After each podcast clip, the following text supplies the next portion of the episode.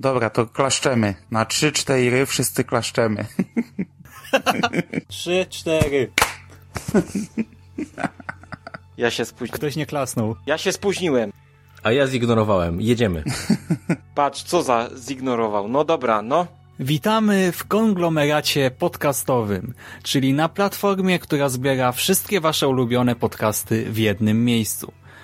Ja nazywam się Szymon Cieśliński i możecie kojarzyć mnie z Necropolitana jako Szymasa i mam przyjemność rozpocząć ten dzisiejszy wstępniak, ten pierwszy nowy podcast nagrany specjalnie na potrzeby właśnie konglomeratu podcastowego, o którym ciut więcej opowiem Wam za chwilę, ale najpierw chciałbym przedstawić moich no właśnie, może nawet nie tyle gości, co no, współtwórców tej całej idei, tej platformy, tej nowej strony i może po prostu każdy z nas powie słówko o sobie, co?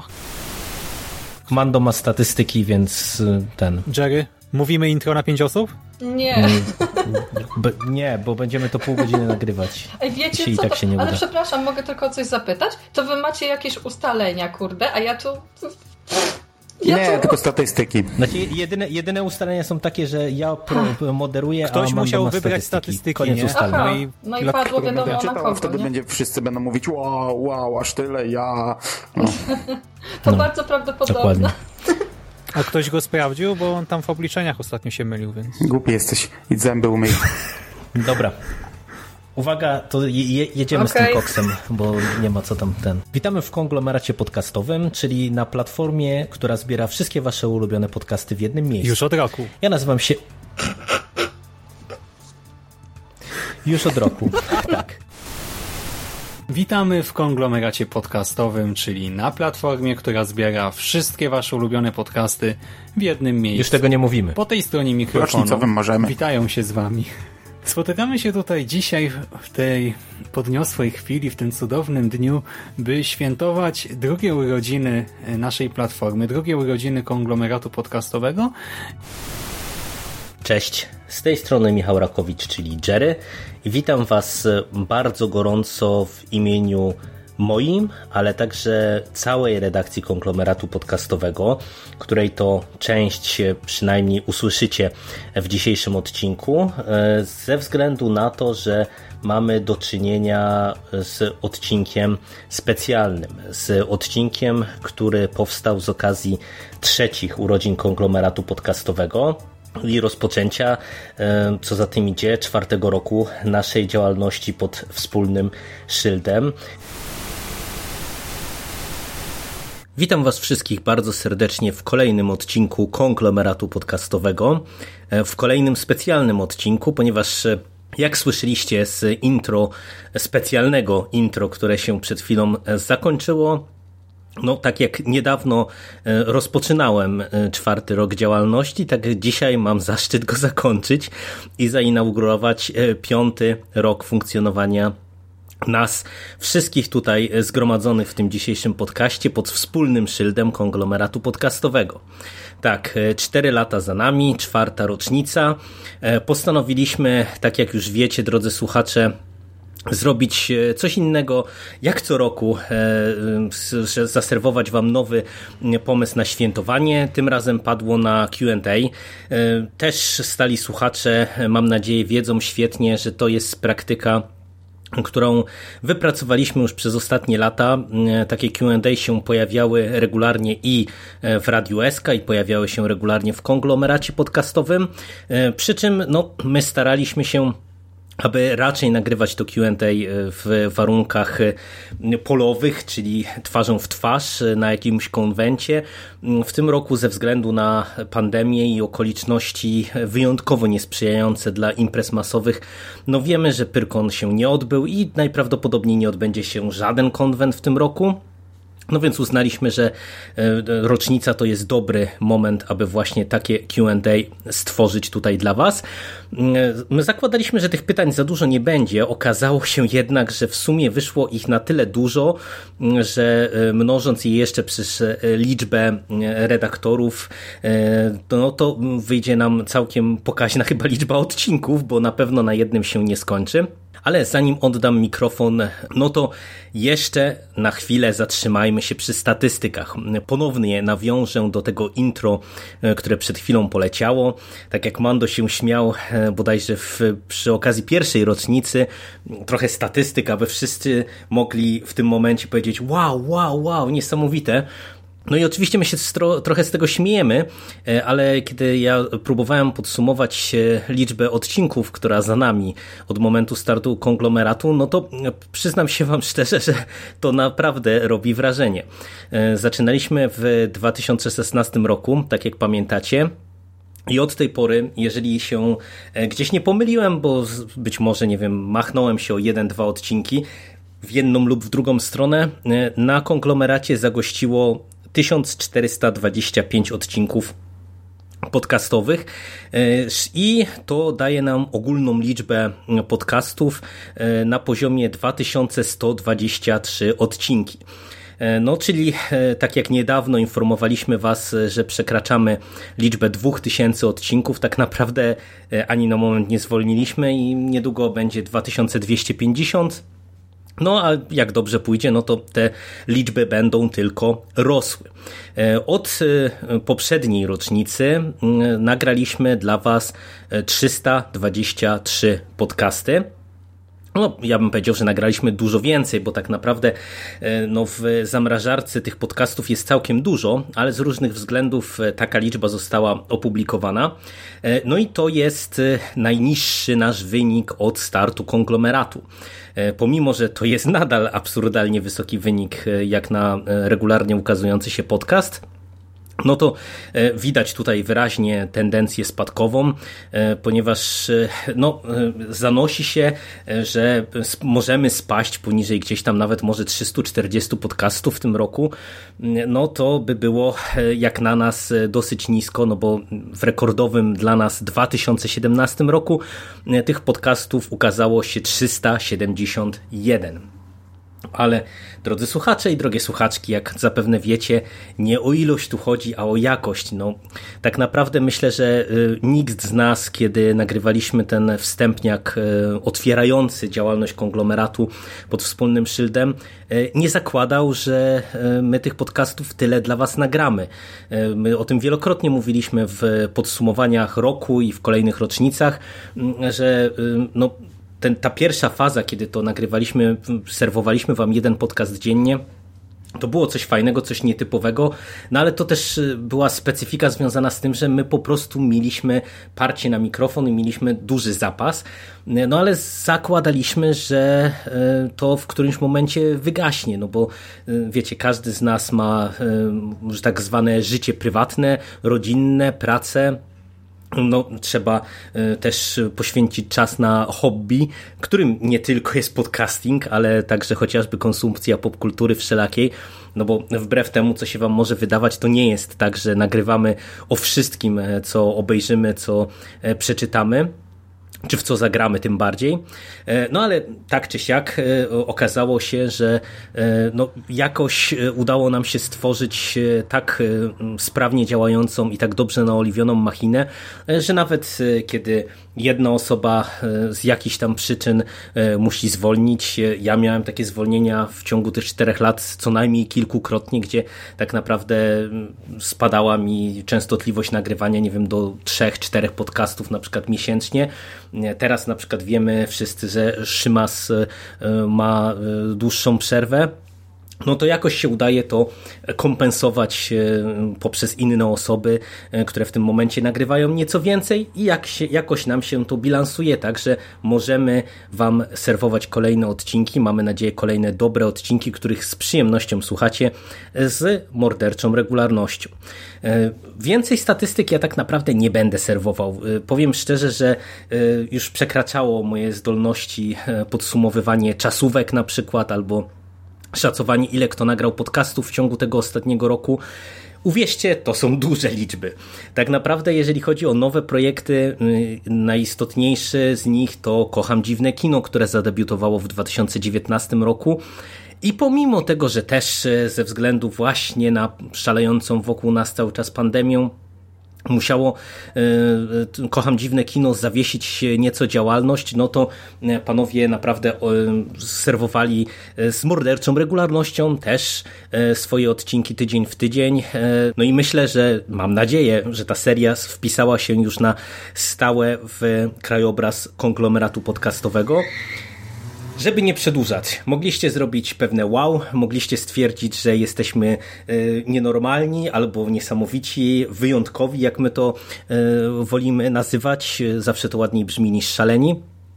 I nie przedłużając już dłużej, zapraszam Was do wysłuchania e, pierwszego z odcinków z pytaniami i odpowiedziami. W dzisiejszym odcinku zaserwujemy Wam odpowiedzi na pytania kierowane do poszczególnych redaktorów i redaktorki, bo oczywiście Bogusia też będzie odpowiadać na Wasze pytania. Zapraszam pierwszą osobę. Teraz jest e, czas dla mnie, bo okazuje się, że jest też kilka pytań skierowanych e, typowo do mnie, więc, e, więc na te pytania też, też odpowiem. Bardzo Wam dziękuję w ogóle. Uf, ja od zawsze chciałam zrobić QA e, i zawsze wydawało mi się, że to jest naprawdę fajna inicjatywa, ale ogrom pytań po prostu mnie ua, przy, przytłoczył. Okazuje się, że, e, że rzeczywiście jest tego sporo i takie różnorodne i prze, przeróżne tematycznie, także w ogóle ekstra. E, I pytanie do mnie, które znaleź, znaleźliśmy na Facebooku, Łukasz Kołodziej zapytał mnie o to, czy omówisz inne serie książek z kategorii Young Adult, na przykład Osobliwy dom pani Peregrine, Więzień labiryntu lub Igrzyska śmierci. Y, Łukaszu, bardzo dziękuję Ci za to pytanie. Serdecznie Cię pozdrawiam. W ogóle fajnie, że, yy, że zadałeś pytanie akurat o te serie młodzieżowe, które, które bardzo lubię. Yy, oczywiście ja bardzo bym chciała. My się już nawet z Hubertem i z Szymasem yy, umawialiśmy na recenzję Igrzysk Śmierci. Krótko właśnie po tym, jak nagrywaliśmy Niezgodną. Mieliśmy taki plan y, nagrać to we trójkę z tego względu, że Hubert no, też lubi te serie młodzieżowe. Ja jestem ogromną fanką Igrzysk Śmierci. No, a Szymas pisał o tym e, artykuł naukowy, więc takie spojrzenie właśnie też bardziej analityczne wydawało nam się, że będzie to dość ciekawą rzeczą.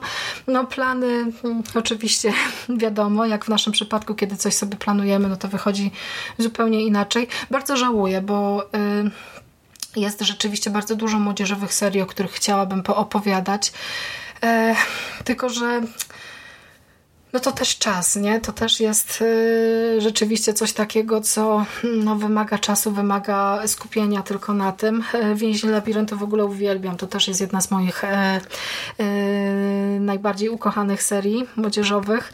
E, jeszcze jest też Dotyk Julii, taka seria o dziewczynie, która potrafi zabijać, e, krzywdzić poprzez dotyk. To też, mm, też wydaje mi się to dość ciekawym materiałem do recenzji, y, ale ja nie mogę nic planować. Niestety to jest tak, że ja jeszcze nie ruszyłam z moim stracharzem, z moim ukochanym cyklem stracharskim, który co jakiś czas e, przypominam sobie, że powinnam przeczytać kolejne tomy i je zrecenzować i w ogóle i jakoś tak to wychodzi dziwnie. Także no naprawdę nie Mm, chciałabym bardzo, chciałabym zrobić to e, właśnie e, z kimś w duecie, bo to zawsze jest, wiesz, e, zupełnie inne spojrzenie, bo to, co mnie się podoba, może się okazać, że no, no wiesz, Hubert albo Szymas, albo Jerry lub jakiś mój inny rozmówca właśnie będzie patrzył na to zupełnie inaczej. Ale to jest naprawdę ciekawy materiał do dyskusji, więc yy, wydaje mi się, że prędzej czy później te serie młodzieżowe do konglomeratu wrócą. Osobliwy, pan, y, Osobliwy dom pani Peregrin yy, to jest w sumie taka seria, którą ja czytałam chyba tylko pierwszy tom i nie spodobała mi się. Tutaj nawet film Tima Burtona nic nie zmienił, yy, ale może warto byłoby wrócić. Dobra, uspokój się, bo już mi się zaczynają tutaj właśnie jakieś plany snuć i co bym tutaj przeczytała w najbliższym czasie. Mm, także serie młodzieżowe jak najbardziej. E, chciałabym też troszeczkę fantastyki. My się tam nawet z Hubertem już e, kiedyś rozmawialiśmy wstępnie o Baśnioborze, e, takiej, ta, takiej serii fantazy Brandona Mula właśnie też dla, dla nastolatków. Mm, no i cały czas jeszcze liczę na to, że Szymas się ogarnie i będziemy mogli doprowadzić do końca Zmierzch wiesz, nie? Bo to też mimo wszystko były właśnie fajne to, to pierwsze nagranie o zmierzchu było naprawdę fajnym doświadczeniem i, i, i pomimo tego, że ta książka jest zła, to jednak e, jakoś tak miło wspominam to, to, to doświadczenie z perspektywy zupełnie innego czytelnika. Także no, może, może, kiedyś, może kiedyś nam się uda wreszcie zrealizować te wszystkie, te wszystkie plany i projekty. Także raz jeszcze gorąco Cię pozdrawiam i dziękuję. Dziękuję za to pytanie. No i postaramy się, ale kiedy, co i jak, niestety e, nie wiem. Uściski ode mnie. E, kolejne pytanie to jest w ogóle wow. E, Sik zapytał mnie, jaki nóż wybrałabyś do oskurowania skóry? Sik, chyba musimy poważnie porozmawiać. E, przede wszystkim, dlaczego miałabym skurować skórę? Chyba, że byłoby to konieczne, niezbędne. E, to wychodzę z założenia, że skóra zasługuje na oskurowanie naprawdę w wielkim stylu. Ja nie wierzę, że ja zaczęłam rozmawiać na ten temat. To jest po prostu szok. E, to jest pytanie, które z jednej strony jest tak absurdalne i niepojęte dla mnie, żeby opowiadać o czymś takim. To po pierwsze. A po drugie, y, motywowałeś mnie do zastanawiania się nad, yy, nad, nad tym pytaniem i nad tym, jakiego do, jakich wyborów bym dokonała. Yy, no bo te noże to jest rzeczywiście też taka część, yy, taka część mojego życia, która mnie naprawdę bardzo kręci, bardzo pasjonuje. Także stwierdziłam, że użyłabym tego, co miałabym pod ręką. Chyba, że mogłabym wybierać, no to wtedy wybrałabym któryś z tych czterech e, propozycji. Myślę, że klasyczny Bowie e, sprawdziłby się chyba E, dość dobrze, z tego względu, że jest to e, właśnie klasyczna głownia, e, klasyczny nóż, który pierwotnie był nożem myśliwskim i nadaje się właśnie dzięki temu, w jaki stopniu jest sprofilowany i wykonany, to nadaje się po prostu do wszelkich zadań specjalnych, więc myślę, że z żarłokiem taki Bowie spokojnie by sobie poradził. Natomiast coś, co chyba sprawdziłoby się najlepiej, to z Latust model Delfin. E, z Latust to są takie noże rosyjskie, mm, wykonywane ręcznie. To jest taka firma e, dla naprawdę prawdziwych frików, jeśli chodzi o tematy związane z nożami, z bronią białą. E, ten model Delfin, którego bym użyła, to model z 320 warstw damastu. Ja już mam, mam nawet konkretny model, słuchajcie, to jest, to jest przegięcie już zupełne. E, klinga e, byłaby mm, długości 12 centymetrów. 150 gramów i taki nożyk, proszę ja Was, kosztuje 1290 zł, także skóra może czuć się bezpieczny, bo na razie, e, na razie takiej broni raczej nie kupię, ale ten damast, nie, on w ogóle w skali Rockwella e, ma stopień twardości 62, także to jest po prostu taki nóż, e, no już taki super ekstra czedowy, grubość 2 mm, więc już tutaj można takim nożem poszaleć. Ja w ogóle nie mam nic wspólnego z, z polowaniami. Nie zajmuję się y, myśliwstwem ani, wiecie, zabijaniem zwierzyny. Także to pytanie jest dziwne i to, że znam na nie odpowiedź jest też dość y, chyba rzeczą taką niepokojącą. Natomiast jeśli chodzi o ten rosyjski nóż, to, y, to już jest rzeczywiście taka zabawa po prostu dla koneserów, ponieważ są one naprawdę wykonane przepięknie. E, każda klinga jest e, zdobiona i naprawdę chciałabym mieć chociaż jeden egzemplarz takiego noża. Może nawet taki tańszy, chociaż ten z Damastu właśnie najbardziej mi się spodobał. Mm, kiedy mm, oglądałam sobie kiedyś w internecie noże, które można by było kupić, to właśnie ten model zwrócił moją szczególną uwagę. E, I jeszcze coś, co jest na pewno mało użytkowe, ale wygląda balierancko, to taki nóż Master Cutlery e, MC 2096. E, to jest, słuchajcie, moi drodzy, nóż z filmu Cobra. To jest nóż, który został wykonany właśnie przez te firmy e, Master Cutlery e, e, według oryginalnego projektu osoby, która opracowała właśnie ten, e, tę broń, która była użyta w filmie Cobra. E, każdy, kto widział ten film, no to wie, o który nóż chodzi. Jest po prostu fenomenalny full tank z cudownym ostrzem, z tymi takimi właśnie szpikulcami przy, przy rękojeści. E, oni niestety wykorzystują kiepską stal do produkowania tych replik, bo tylko stal 440, czyli taką, która szybko się tępi, kiepsko się ostrzy i w ogóle, ale tutaj to jest, e, słuchajcie, potężna bestia, która ma w sumie 33 e, ponad centymetry długości, z czego 18 to jest ostrze, więc wyobrażacie sobie, że to jest po prostu taki nóż, że, e, że wow, tu się można rzeczywiście bawić. Mm, i myślę, że czwartą propozycją, którą bym miała, to byłby klasyczny taki nóż traperski, który można było e, zobaczyć na przykład w filmie Nożownik. Jest tam taka fajna scena, kiedy oni e, samodzielnie wytwarzają, e, wytwarzają broń mm, i to jest też naprawdę fajny nóż, który mm, najczęściej jest wykonywany właśnie ze stali węglowej, chociaż widziałam kilka takich projektów wykonanych z damastu. Damast to jest mm, taka metoda wykuwania noży ze stali, którą się skuwa warstwowo. Tak się bierze się sztabę, składa, rozkuwa, jeszcze raz składa, rozkuwa i tak tyle razy, ile nam wyobraźnia pozwoli. E, przy hartowaniu ona się staje wtedy mega twarda, mega wytrzymała, a jeśli tę sztabę ponacinamy, to dodatkowo dochodzi tego jeszcze, do tego jeszcze fajny wzór. Także taki nóż traperski z damastu też gdzieś tam widziałam, ale to już się ludzie bawią, nie? To już jest mm, to już jest wyższy poziom po prostu wtajemniczenia.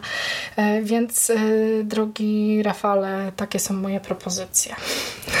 Cztery noże. Ja w ogóle nie wiem, jak to jest możliwe, że ktoś mnie pyta o, to, o, o tak takie rzeczy, bo y, absolutnie nie chciałabym Żarłokowi robić krzywdy. Nie mam do niego tutaj mm, nie nadepnął mi na odcisk, nie, nie mam do niego żadnych pretensji, nie wiem dlaczego miałabym go skurować.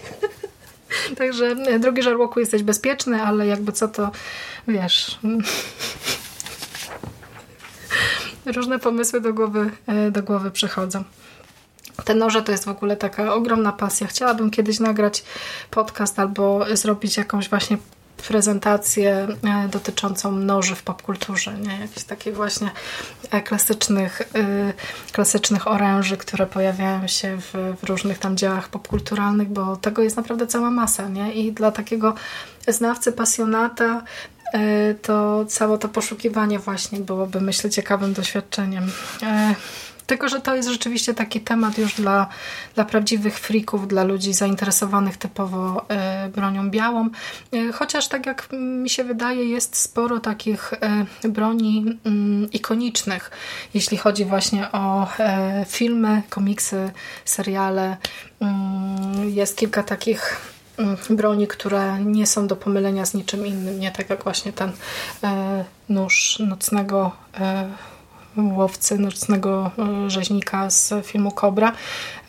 Kobra jest moją wielką miłością. Kocham ten film całym sercem.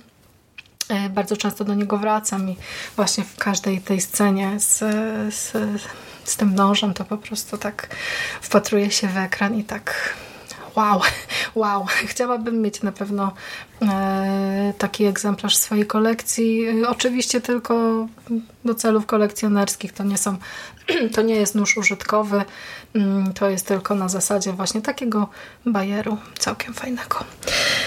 No dobrze, i na koniec ostatnie pytanie e, od Jerego. E, dlaczego twój nowy sprzęt się kurzy? Ja nie wiem w ogóle o czym ty mówisz. Jerry. Jak to się kurzy? Przecież teraz jest uruchomiony i nagrywa. Y, o cholera, półtorej godziny. No dobra, to ja nie będę przedłużać w takim razie bo wiem, że ktoś jeszcze będzie się sporo męczył nad tym, żeby to y, zmontować, ale odpowiadając na twoje pytanie, to powiem tylko tyle, że przecież zdarza nam się na przykład nagrywać dwie, dwa podcasty w jeden wieczór, więc to nie jest tak, że się y, tak totalnie kurzy i w ogóle. Y, ja ten dyktafon mam od września zeszłego roku i faktycznie sporo mm, sporo czasu jeszcze zajmuje mi mm, znalezienie tych wszystkich funkcji, które on ma, zrozumienie tego, jak działa, bo to w momencie, kiedy się, wiecie, przestawia człowiek z telefonu, w którym wystarczy kliknąć play, stop, na urządzenie, w którym trzeba na przykład ustawiać czułość i y, jakieś tam znaczniki się y, pojawiają, no to to już jest wyższa, wyższa szkoła jazdy. Ja nie jestem technologiczną dziewczyną. To nie jest tak, że ja tutaj wszystkie e, nowinki techniczne łapię w lot. Ogarniam komputery, jakieś tam ściągania, cuda, mm, tego typu potrafię, mm, ale w przypadku właśnie jakichś takich rzeczy, no typu montowanie, ja cały czas jeszcze nie zmontowałam e, żadnego podcastu. Jakoś tak za każdym razem, kiedy coś nagrywam, to yy, mam ogromne wyrzuty sumienia, że ktoś musi słuchać mojego gadania i, i, i to montować. Także no, ale oby do przodu, co nie? Więc, więc to nie jest tak, że mój sprzęt się kurzy. On jest tak, używam go i teraz właśnie ładnie wszystko nagrał, po to, żebyście wy mogli tego odsłuchać. No dziękuję wam za... Yy, za kolejny rok z konglomeratem. Y, nie będę snuła planów. Tym razem y, nie będę obiecywała, że będę więcej nagrywać lub coś. Po prostu y, zobaczymy, co życie przyniesie. Mm, sporo mm, sytuacji ostatnio się musiało niestety zweryfikować poprzez tam właśnie jakieś problemy zdrowotne czy problemy rodzinne. Mm, takie sytuacje, które czasami no, wymagają naszej uwagi i które nie pozwalają się skupić na czytaniu, a co dopiero na, na rozmowie. E, zobaczymy, co przyniesie, e, co przyniesie los. Mm, moi koledzy redakcyjni e, dają radę. Są naprawdę niesamowici. Ja nie wiem, jaka, jak chłopakom udaje się nagrywać tyle podcastów i to takich, które naprawdę są no, rewelacyjnie zrobione. Ja ostatnio mm, ponadrabiałam trochę y, naszych podcastów, bo też przez jakiś czas wypadłam zupełnie. Nie miałam czasu słuchać i to są cholera naprawdę świetne, y, świetne podcasty. Chciałabym tylko takie nagrywać. Y, wraca mi się też bardzo, bardzo sympatycznie do naszych nagrań o archiwum Mix. Ostatnio też dużo powtarzam sobie archiwum. Słucham tych naszych podcastów i to są naprawdę fantastyczne nagrania. Nie poznaję siebie na nich jest e, naprawdę jakiś taki entuzjazm e, bijący z mojego głosu. Chciałabym czuć się e, cały czas w taki sposób, żeby tylko można było właśnie gadać i być szczęśliwym. A wy, żebyście mogli tego słuchać i też być zadowoleni. Tego wam życzę przez kolejne, prze, przez kolejny rok działalności konglomeratu. Żebyście trafiali na swoje tematy zawsze, E, żebyście byli aktywni e, i żeby wszystko układało się po waszej myśli. I żebyście spędzili ten rok oczywiście kolejny i kolejny i kolejny e, spacerując poprzez te meandry popkultury razem z nami, razem z konglomeratem. Tego Wam życzę bardzo serdecznie i przy okazji nam też pozdrawiam moich kolegów Trzymajcie się wszyscy ciepło i do usłyszenia wkrótce. Pa! Minister zdrowia ostrzega przed oglądaniem żarłoka na czczo. Sik pyta, ile waży? No, jest to pytanie już... Jeżeli zapytałby przed epidemią, to waży w granicach 81,23 maksymalnie, górna granica po epidemii, w czasie epidemii, jak się zważyłem, doszedłem do 86. Okej, okay. pomyślałem, no nie jest tak źle. I znowu sobie folgowałem i po prostu nothing else matters. Patrzę, 89,6. Wcześniej trzymałem górną granicę 82 i ważyłem się regularnie, ilekroć przyjeżdżałem odwiedzić rodzinę. To na tej jednej wadze się ważyłem i kontrolowałem to. No natomiast teraz, jak się ta epidemia, znaczy jak zobaczyłem to 89,6, to stwierdziłem, że no pagadi, y, nie ma opcji, żebym zobaczył 90. Y, no i przywaliłem Dwa kilo w dół poszło, bo poszedłem na dietę przemienną, czyli taką, żeby nie jeść poniedziałek, środa, piątek.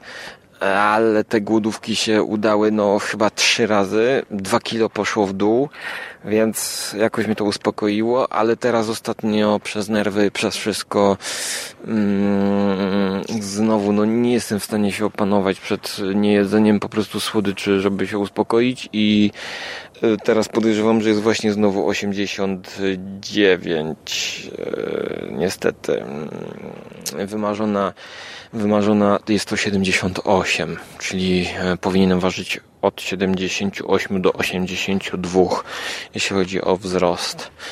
Eee, no, a pracowałem na to chyba kilka lat, żeby zejść z 99 do 82, więc e, właściwie do 80. 78 też widziałem, a najmniej ostatnio chyba 76. I to dało mi taki backup powiedzmy, mm, backup, który powiedział, że no a potem to jak już, no dobra, to mam to 76, to już mogę sobie pofolgować. No i rzeczywiście folgowałem sobie, wróciłem potem po tym kryzysie, nazwijmy to, dolnego progu do 80 i nie było efektu jojo i jak już zobaczyłem, że jest 80, dobra, no to teraz się kontrolujemy bardziej. No i nie było po, po problemu, żeby to trzymać. I kuźwa przez tą epidemię, no naprawdę no przez tą pieprzoną epidemię. No, no, no tyle, ty, no co ja mogę powiedzieć? No cholera jasna, no naprawdę no smutne pytanie, ciężkie pytanie. Czy żarłok był pierwszy, czy jednak najpierw było żarło? W nawiasie. Jak to się stało, że zacząłeś nagrywać o jedzeniu? To jest pytanie od Sika bodajże. Mm, no i najpierw był żarłok czyli skóra. Urodził się, od razu zaczął gryźć cycka. no, po prostu był pomysł na to, żeby coś nagrywać i to wyszło o, nie wiem, nie, no nie, no jest to trudne pytanie, bo co było pierwsze jedzenie czy żarłok? Początkowo myślałem, że jest to pytanie typu, czy pierwsze było jajko czy kura. No to można powiedzieć, że pierwszy był skóra, ale było chyba żarło pierw. Nie, to jest pytanie tak zakręcone i zalupowane jak zakończenia Twilight Zone Roda Serlinga. Eee, ja się interesowałem jedzeniem od pewnego czasu a kinem i kręceniem zawsze się interesowałem. Jeżeli ktoś by pytał o pierwsze wideo, to też bym miał anegdoty z, z dzieciństwa, jak kręciłem różnymi dziwnymi sposobami różne dziwne rzeczy. To było takie, powiedzmy, płynne połączenie miłości do jedzenia z miłością do kamery i do um, chęci nagrywania czegoś. Najmniej w tym było wyrachowania, choć wyrachowanie jakieś też e, było. Wyrachowanie pod kątem takim, że no są te kanały o grach, o różnych zrób to sam, i jak ja koncepcję wymyślałem, to o jedzeniu był tylko jeden kanał gościa Piotra Ogińskiego, Kocham Gotować, który testy o jedzeniu robił okazjonalnie, a zwykle to gotował i jakby mm, on nie był inspiracją, tylko inspiracją było to, że e, pomyślałem pewnego dnia, nawet nie wiem, czy go znałem wtedy, że nagrałbym recenzję, że, że no w sumie czemu nie ma recenzji jedzenia? No i wpisałem w YouTube'a Lacey, Lacey Review, no i okazało się, że Damn Drops w USA nagrywa recenzję jedzenia co oczywiście też nie było pierwsze, bo wcześniej w radio nagrywali ludzie recenzje jedzenia, jeszcze przed nim. Na przykład Martin Lechowicz z, różnych podcastów, yy, też Stara Szkoła Podcastingu, yy, nagrywał też yy, takie jajcowanie, pamiętam recenzję serka topionego w formie podcastu, więc jakby no to, to raczej było, raczej było to. no w sumie kosmetyki recenzują, recenzują mm, e, karty graficzne, no to zrecenzujmy coś, co każdy może kupić i spróbujmy się e, na tym wybić. Więc y, najpierw był żarłok, y, który pożerał filmy, tak to powiem, i podczas jedzenia filmów e, zażerał jakieś chipsy, burgery i inne przysmaki. Natomiast żarło było, kiedy ja się zacząłem tak bardziej poważnie interesować jedzeniem. Czekaj. Chyba po wyjeździe. Tak, tak, tak. Po wyjeździe na studia, czyli po prostu knajpy y, włoskie. Tak, czyli jedzeniem zacząłem się interesować na przełomie szkoły średniej i studiów podczas wyjazdów do knajp najczęściej włoskich, więc kuchnią włoską, więc wcześniej interesowałem się kręceniem filmów, tak, więc wcześniej był żarłok, który żarł kamery i filmy, tak. Czyli zanim zacząłem się interesować jedzeniem, to kamerą się interesowałem już w szóstej klasie podstawówki. I w szóstej klasie podstawówki już kręciłem pierwsze e, filmy e, z kolegą e, moim takim. Więc tak, wcześniej był Żarłok, czyli e, podcaster, powiedzmy, no, skóra, a dopiero potem było żarło, czyli samo zainteresowanie jedzeniem. Najpierw było zainteresowanie filmem, a potem było zainteresowanie jedzeniem. Łukasz Kołodziej pyta, mm, dlaczego w powitalnym nagraniu jest wymieniony na początku żarłok i skóra? Czy jest to jakieś nawiązanie do doktora Jekylla i pana Hyda? Otóż, no właśnie, po części trochę sobie odpowiedziałeś na to pytanie sam. Ale trzeba zapytać tego, kto to montował. To jedno. A drugie to, że ludzie byli zdziwieni e, produkcją Jet TV po tym, jak znali mnie z podcastingu. Czyli najlepszym podsumowaniem będzie tutaj opowiedzenie anegdoty spotkania fana. Pierwszego w ogóle w historii. Więc oczywiście po odpowiednim montażu. No i w ten sposób odpowiedziałem na pytanie właśnie dr Jekyll and Mr. Hyde, że e, być może dlatego ktoś włożył do montażu to, że zauważył, że no, skóra to jest inne uniwersum e, niż Jet TV, mm, chociaż tutaj jeszcze wyjaśnienie te uniwersa e, miały się początkowo łączyć w pierwszym filmie e, prequelu, nazwijmy to, czyli e, przed trailerami, przed czterema trailerami, które na początku kanału poszły trailerami nawiązującymi do filmów, e, do Psychozy, do Bravehearta e, i jeszcze do czegoś nie pamiętam. E, poszedł film pod tytułem Impreza w Biedronce, który był takim łącznikiem pomiędzy, jedynym właściwie takim łącznikiem pomiędzy światem podcastów nagrywanych do tej pory i filmu. Mianowicie był nagrany na tym dyktafonie, do którym teraz mówię. I film był napisany e, scenariusz od początku do końca był tak skonstruowany, że miała być narracja z OFU. E, pomysł był taki, że narracja z OFU miała być od początku i ta narracja z OFU pod film miała się przeradzać e, w narrację ukazującą scenę gościa zamkniętego właśnie w szafie, tej w szafie, której nagrywam. Ta szafa miała tam być pokazana i została pokazana w taki sposób, jak y, czasami nagrywają prezenterzy w Stanach kiedyś nagrywali, czyli facet siedzi przed mikrofonem i kamera siedzi obok i nagrywa jak on gada.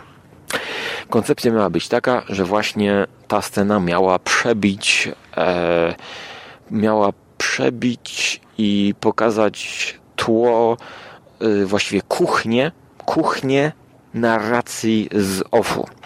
Narracja z OFU, która początkowo pokazywała postać Żarłoka, który opowiada który całkowicie wcielając się w rolę opowiada, jak to tam e, jakieś takie szaleństwa, e, że ma ochotę na jakieś muchy, nie, na bułki, na bułki, biedronki, że ma, to tam, tam, tam są, są, są muszki, owocówki, nie, no, no, no, nie mogę nagrywać, no nie mogę. Ktoś mi tutaj gwizdże normalnie, no, no, no.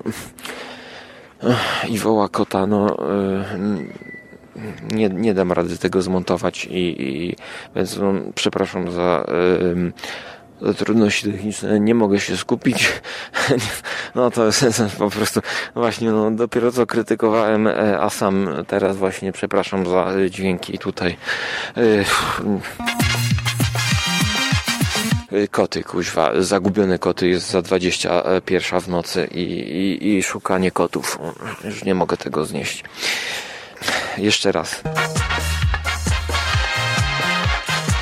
Narrator opowiada i e, z, e, powoli, powoli obraz ciemnieje i powoli obraz jaśnieje, pokazując z boku tę postać i to jest przejście, i to jest pierwszy raz, ta scena to jest pierwszy raz, kiedy pojawia się y, żarłok i właściwie z narracji Zofu, czyli ze świata radia i dźwięku i głosu, y, pojawia się postać y, z czerni, tak jak u Davida Lyncha, z czarnego obrazu na czarnym tle, właśnie w tej szafie. W tej szafie, e, która jest odpowiednio zasłonięta tam, żeby nie było widać całości, tylko żeby było czarne tło. Założyłem do tego czarny golf, żeby było widać właściwie tylko e, moją twarz e, i ta twarz już była no, ucharakteryzowana, czyli włosy roztrzepane całkowicie, włosy, które były specjalnie zapuszczone do Żarłok TV, e, które miały być trochę na Menela, trochę na takiego szaleńca, e, doktora takiego właśnie trochę jak Rick and Morty teraz taki ma roztrzepaną fryzurę, taki typowy, no wiecie, Einstein, szalony doktorek e, z lat 50. powiedzmy. O całe życie chodziłem we fryzurze takiej na jeżyka po prostu ściętej i specjalnie po prostu pamiętam zapuszczałem, zapuszczałem, zapuszczałem długo, żeby po prostu zrobić z siebie e, Menela.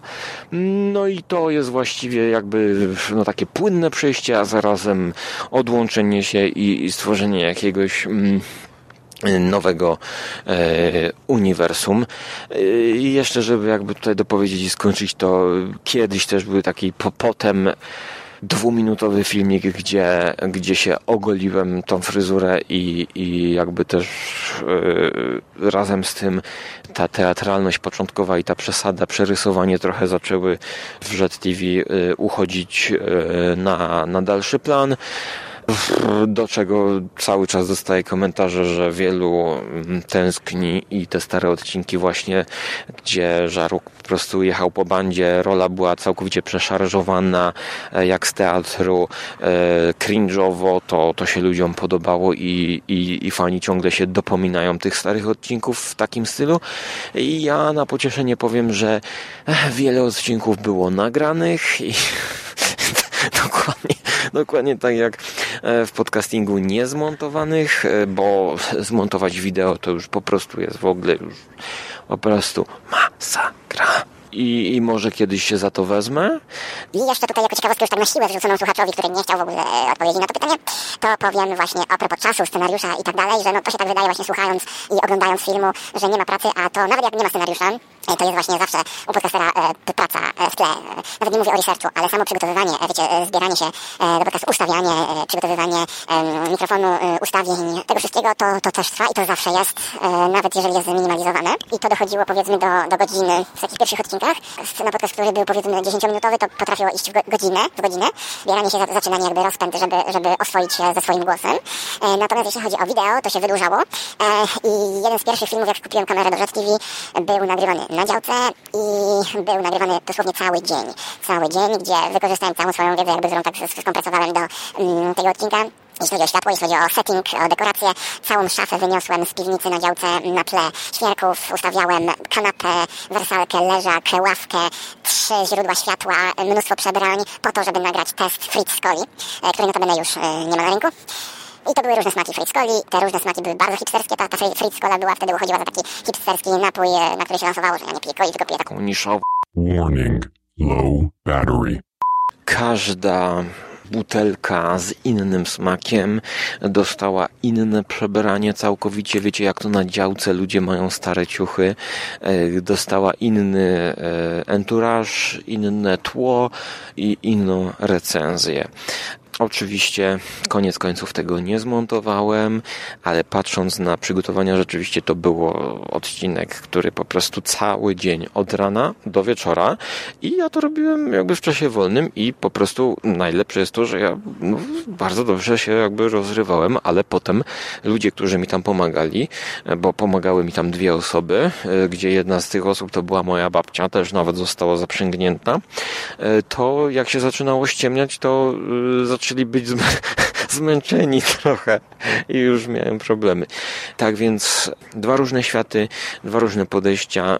Czas to po prostu jest w stanie zeżreć niebotyczny. Tak samo jak teraz, moje gadanie zeżarło dyktafon i już przerwało. Skasowałem stary, mm, żeby zwolnić i dopowiedzieć. Od razu powiem na koniec, że jestem niezadowolony z tego nagrania. Warning. Low battery. Jestem tutaj po, yy, po ciężkim dniu. Powinienem to zmontować, jeszcze raz powinienem to nagrać. Jest to rozrzedzone, jest to rozsadzone. Zmęczony jestem, więc przepraszam za te wszystkie pauzy i naprawdę w ogóle tego nie chcę montować, bo chciałem się wyluzować. Wieczorem jest długi weekend, chciałem poczytać Henry'ego Jamesa, Biblioteczkę Grozy, ale mm, tutaj trzeba się wyrobić, y, żeby przed publikacją wcześniej. Tak więc, y, no, przepraszam, przepraszam, przepraszam. Jest to podcast chodzony, nagrany na świeżym powietrzu. E, Chciałem y, nagrać tutaj takie mini słuchowisko radiowe na odpowiedź o tym waderze i minionkach, czyli takie właśnie, że niby, że biegnę, że o las, tutaj mnie gonią, wiecie właśnie. Słyszycie, słyszycie, ale to jest właśnie minus e, tak jakby perfekcjonizmu. E, No, więc chciałem tylko powiedzieć na podsumowanie, że ten podcast e, mógłby być lepszy i wiele podcastów mogłoby być lepszych, gdyby, gdybyśmy się bardziej przyłożyli, zrobili lepszy research, mm, zrobili notatki, nazwijmy to scenariuszem dodatkowo i gdybyśmy mieli lepszy sprzęt i gdybyśmy mieli studio, gdzie się widzimy na żywo, to mogłoby być lepsze. Słuchajcie, wszystko mogłoby być lepsze. Tylko pytanie, czy gdybyśmy dopiero nagrywali, gdyby było wymarzone, najlepsze i perfekcyjne, to czy by w ogóle cośkolwiek było?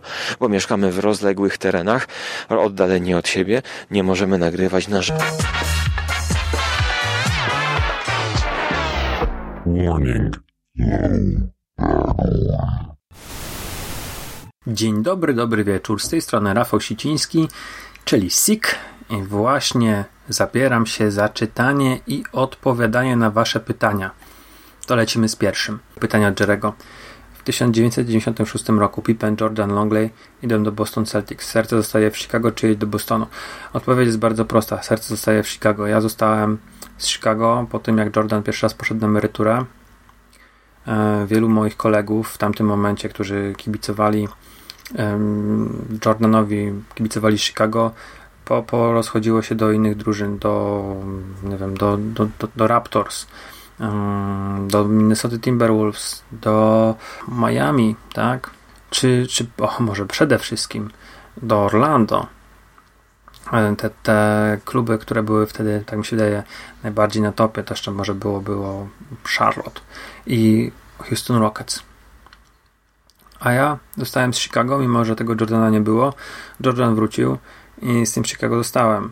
A gdyby Pippen, Jordan, Longley w 1996 roku poszli do Boston Celtics, to nie wyobrażam sobie, co do, do Chicago musiałby przyjść za taką wymianę. No, to po pierwsze. Po drugie, zostałby tam Rodman, którego ja z tej ekipy chyba najbardziej lubiłem.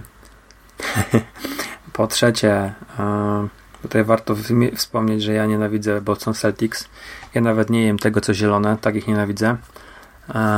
ale tak serio, nie lubię tego klubu. Chociaż doceniam niektórych graczy, którzy tam grają.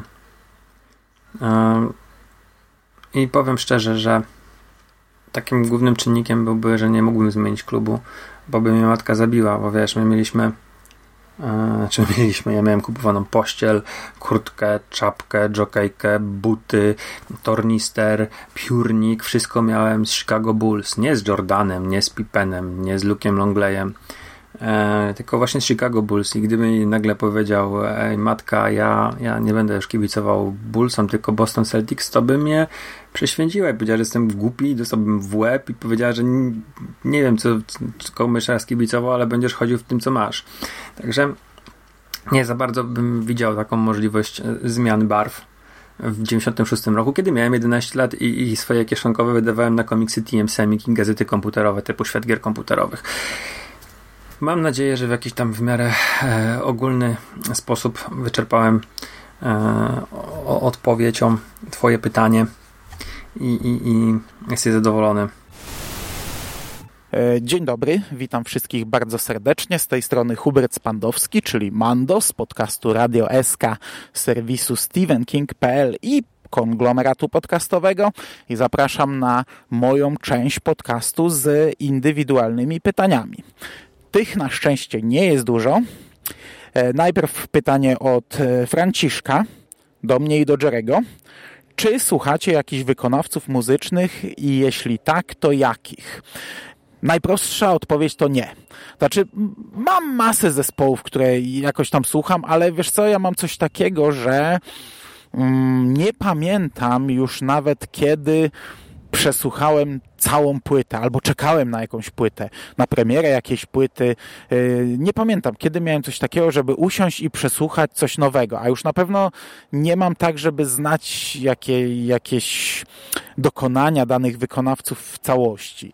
Ja słuchałem dużo rzeczy w liceum, potem przez studia, a teraz lubię do tego wracać i od iluś tam lat e, bardzo często wracam do tego, ale wyrywkowo. E, ja w ogóle przechodzę chyba kryzys wieku średniego i, i robię duże rzeczy, które robiłem 20-20 parę lat temu. E, jakoś tak żyję trochę przeszłością ostatnio i, i dużo słucham muzyki, której słuchałem wtedy ale to są wybrane pojedyncze utwory. Nie wiem, idę sobie z telefonem, z słuchawkami i, i, szukam pojedynczych piosenek na YouTubie. Nie mam wykonawców, których bym e, na tyle lubił, żebym ich słuchał, a, a, a bardzo często sprawdzam takie zespoły, jakie kiedyś naprawdę śledziłem. Wiesz, kiedyś, nie wiem, byłem dużym fanem Desertera i, i, i miałem wszystko, co oni wydali i do pewnego czasu słuchałem wszystkiego. Byłem bardzo dużym fanem e, kultu Kazika i wszelkich projektów kazikowych i czasami zdarza mi się, że e, sobie przegugluję i wchodzę w dyskografię i widzę dokładnie, mógłbym czarną linię postawić, gdzie to, kiedy to się skończyło i na przykład ilu dokonań danego artysty czy zespołu po prostu nie znam. Kolejne pytanie od Sika. W zasadzie kilka pytań i na tym będziemy kończyć. E, Sik tutaj sobie śmieszkuje, ale ja trochę chyba nie będę umiał na te pytania odpowiedzieć. E, pierwsze. Gdybyś mógł wybrać szkołę, do której poślesz swoje dzieci, to co byś wybrał? Hogwart czy szkołę ninja? Znaczy, gdybym wybrał szkołę ninja, a moja córka dowiedziałaby się, że miała możliwość iść do Hogwartu, to nigdy by mi tego nie wybaczyła, ale szczerze, gdybym ja miał wybierać, to też byłby to Hogwart. No, ja lubię ninja, ale jednak magia no to, to stoi troszkę wyżej, a Hogwart jest świetną szkołą.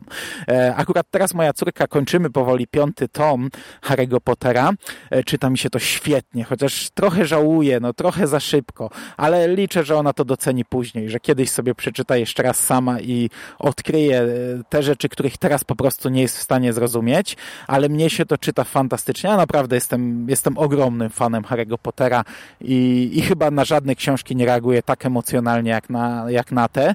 E, wystarczy, że pomyślę o niektórych rzeczach i, i mi się brudka trzęsie. E, uwielbiam e, te książki, ale zmierzam do tego, że moja córka od jakieś już trochę ponad pół roku trochę ma hopla i, i czasami jestem aż zły, bo, bo aż mi psuje to, bo, bo bywa, że no, no, no wiecie, od rana ona bierze figurki i jest zabawa i ta zabawa czasami przybiera tak absurdalne, te, te fabuły są tak kretyńskie, tak głupie, czasami przetwarza niektóre sceny dziesiątki, naście razy i ja już mam czasami dość, ale zmierzam do tego, że moja córka chyba nadal wierzy, że za cztery lata dostanie list z Hogwartu i może się pojawić problem w przyszłości. Mam nadzieję, że, że, że to się, wiesz, że to, że to gdzieś zniknie, no bo cztery lata w, w, w życiu dziecka to, to jest bardzo dużo, ale na chwilę obecną to jest mały problem. No ale gdybym miał wybrać, to jasne, od razu Hogwart, nawet bym się nie zastanawiał. Z synem nie wiem, jest za mały jeszcze. On nie zna w ogóle Harry'ego Pottera. No, no, ma, ma ile? Ma trochę ponad dwa lata. Syna może do ninj. On lubi się bić. Trochę mam z tym problem. Nie wiem, jak, jak, jak sobie z tym poradzić. Dużo leje dzieciak, niestety. Kolejne pytanie. Jakbyśmy byli na takiej, jakbyśmy byli w, ta, jakbyśmy byli w takiej sytuacji, żebyśmy się konglomeratem rozbili w jakichś niedostępnych górach bez jedzenia i by się nam zaczęło umierać, to od której części ciała zacząłbyś jeść Jerego? Od jakiej części mnie, skórę Bogusie Szymasa?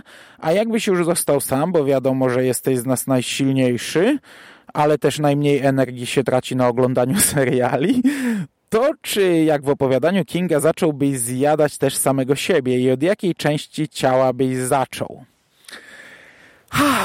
A nie wiem, nie wiem, które części ciała ludzkiego są tak jadalne. Kiedyś o, o, pamiętam jakiś film, nie wiem, czy to był ten Alive, dramat w Andach, ale pamiętam jeden film, gdzie jedli y, siebie po takiej katastrofie, to chyba wycinali z tyłka i tak mi utkwiło w pamięci, że że, że się je tyłek i chyba bym was położył na brzuchu, żeby nie patrzeć w twarz i chyba bym wam tyłki e, obrobił. tak myślę. Każdemu. No, myślę, że mm, tu nie ma różnicy, czy to Jerry Szymas, czy, czy Skóra, czy Bogusia. Zeżarłbym tyłek, a potem by się pomyślało, co dalej. Mm, myślę, że nie miałbym skrupułów. Ja, ja wiem, że o to nie pytałeś, ale rozwijam temat, żeby było dłużej. E, wydaje mi się, że nie miałbym skrupułów w takim momencie. Ja wiem, że jesteśmy e, bardzo dobrymi kolegami albo przyjaciółmi, ale wydaje mi się, że to jest oczywiste. Ja też e, chciałbym, żebyście mnie zjedli. I, i żebyście nie mieli skrupułów. Jeśli to pozwoliłoby wam przeżyć, to oczywiście to jest ekstremalna sytuacja. W ogóle tak jak już, jak już się pogrążam, to ja się wielokrotnie zastanawiałem, to czy to nie jest moje marzenie, to nie jest coś, do, do czego dążę i nigdy tego nie zrobię, ale wielokrotnie myślałem, że chciałbym wiedzieć, jak smakuje ludzkie mięso.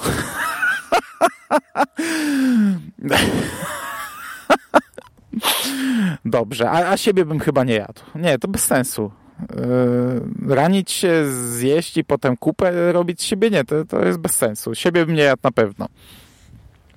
Zadałeś jeszcze pytanie o festiwale Disco Polo, na ilu byłem. Ja na to odpowiedziałem już e, chyba w poprzednim podcaście albo gdzieś tam kiedyś. Chyba dwa, plus dużo, dużo koncertów. E, no. I to by było na tyle. Dziękuję Wam bardzo za uwagę. Do usłyszenia w kolejnym roku i kolejnym, i kolejnym. Witam, witam, witam. Witam w konglomeracie podcastowym, czyli na platformie, która zbiera wszystkie wasze ulubione podcasty w jednym miejscu. Po tej stronie mikrofonu, tak, tak, tak, kto używa cały czas naszego intro? Oczywiście Szymon Szymas-Cieśliński. Witam was serdecznie, kochani. I przybyłem tu, by odpowiedzieć na dwa pytania, w sumie to trzy, bo zaczniemy od Łukasza Kołodzieja, który zadał mi dwa pytania, jedno świadomie, a drugie nieświadomie. Zacznijmy od tego świadomego. W ogóle przepraszam, jeżeli z jakością jest coś nie tak, ale e, w ogóle jest o, już jest po północy, ok. Więc jest 16 czerwca, ja to nagrywam dzisiaj, w dniu publikacji. Jerry mnie zabije. E, chociaż nie, nie zabije mnie, bo mieszka w Poznaniu, a jestem w Łodzi. Chociaż tyle dobrego, ale no, Jerry nie będzie zachwycony. Jest 16 czerwca, 8 minut po północy, więc w sumie dzisiaj moje urodziny. Możecie składać życzenia, nie no, żartuję. Ale tak, moje urodziny są w tego samego dnia, co urodziny Konglo. Tyle wygrać, yeah! No, a ja nagrywam w trochę takich spartańskich warunkach.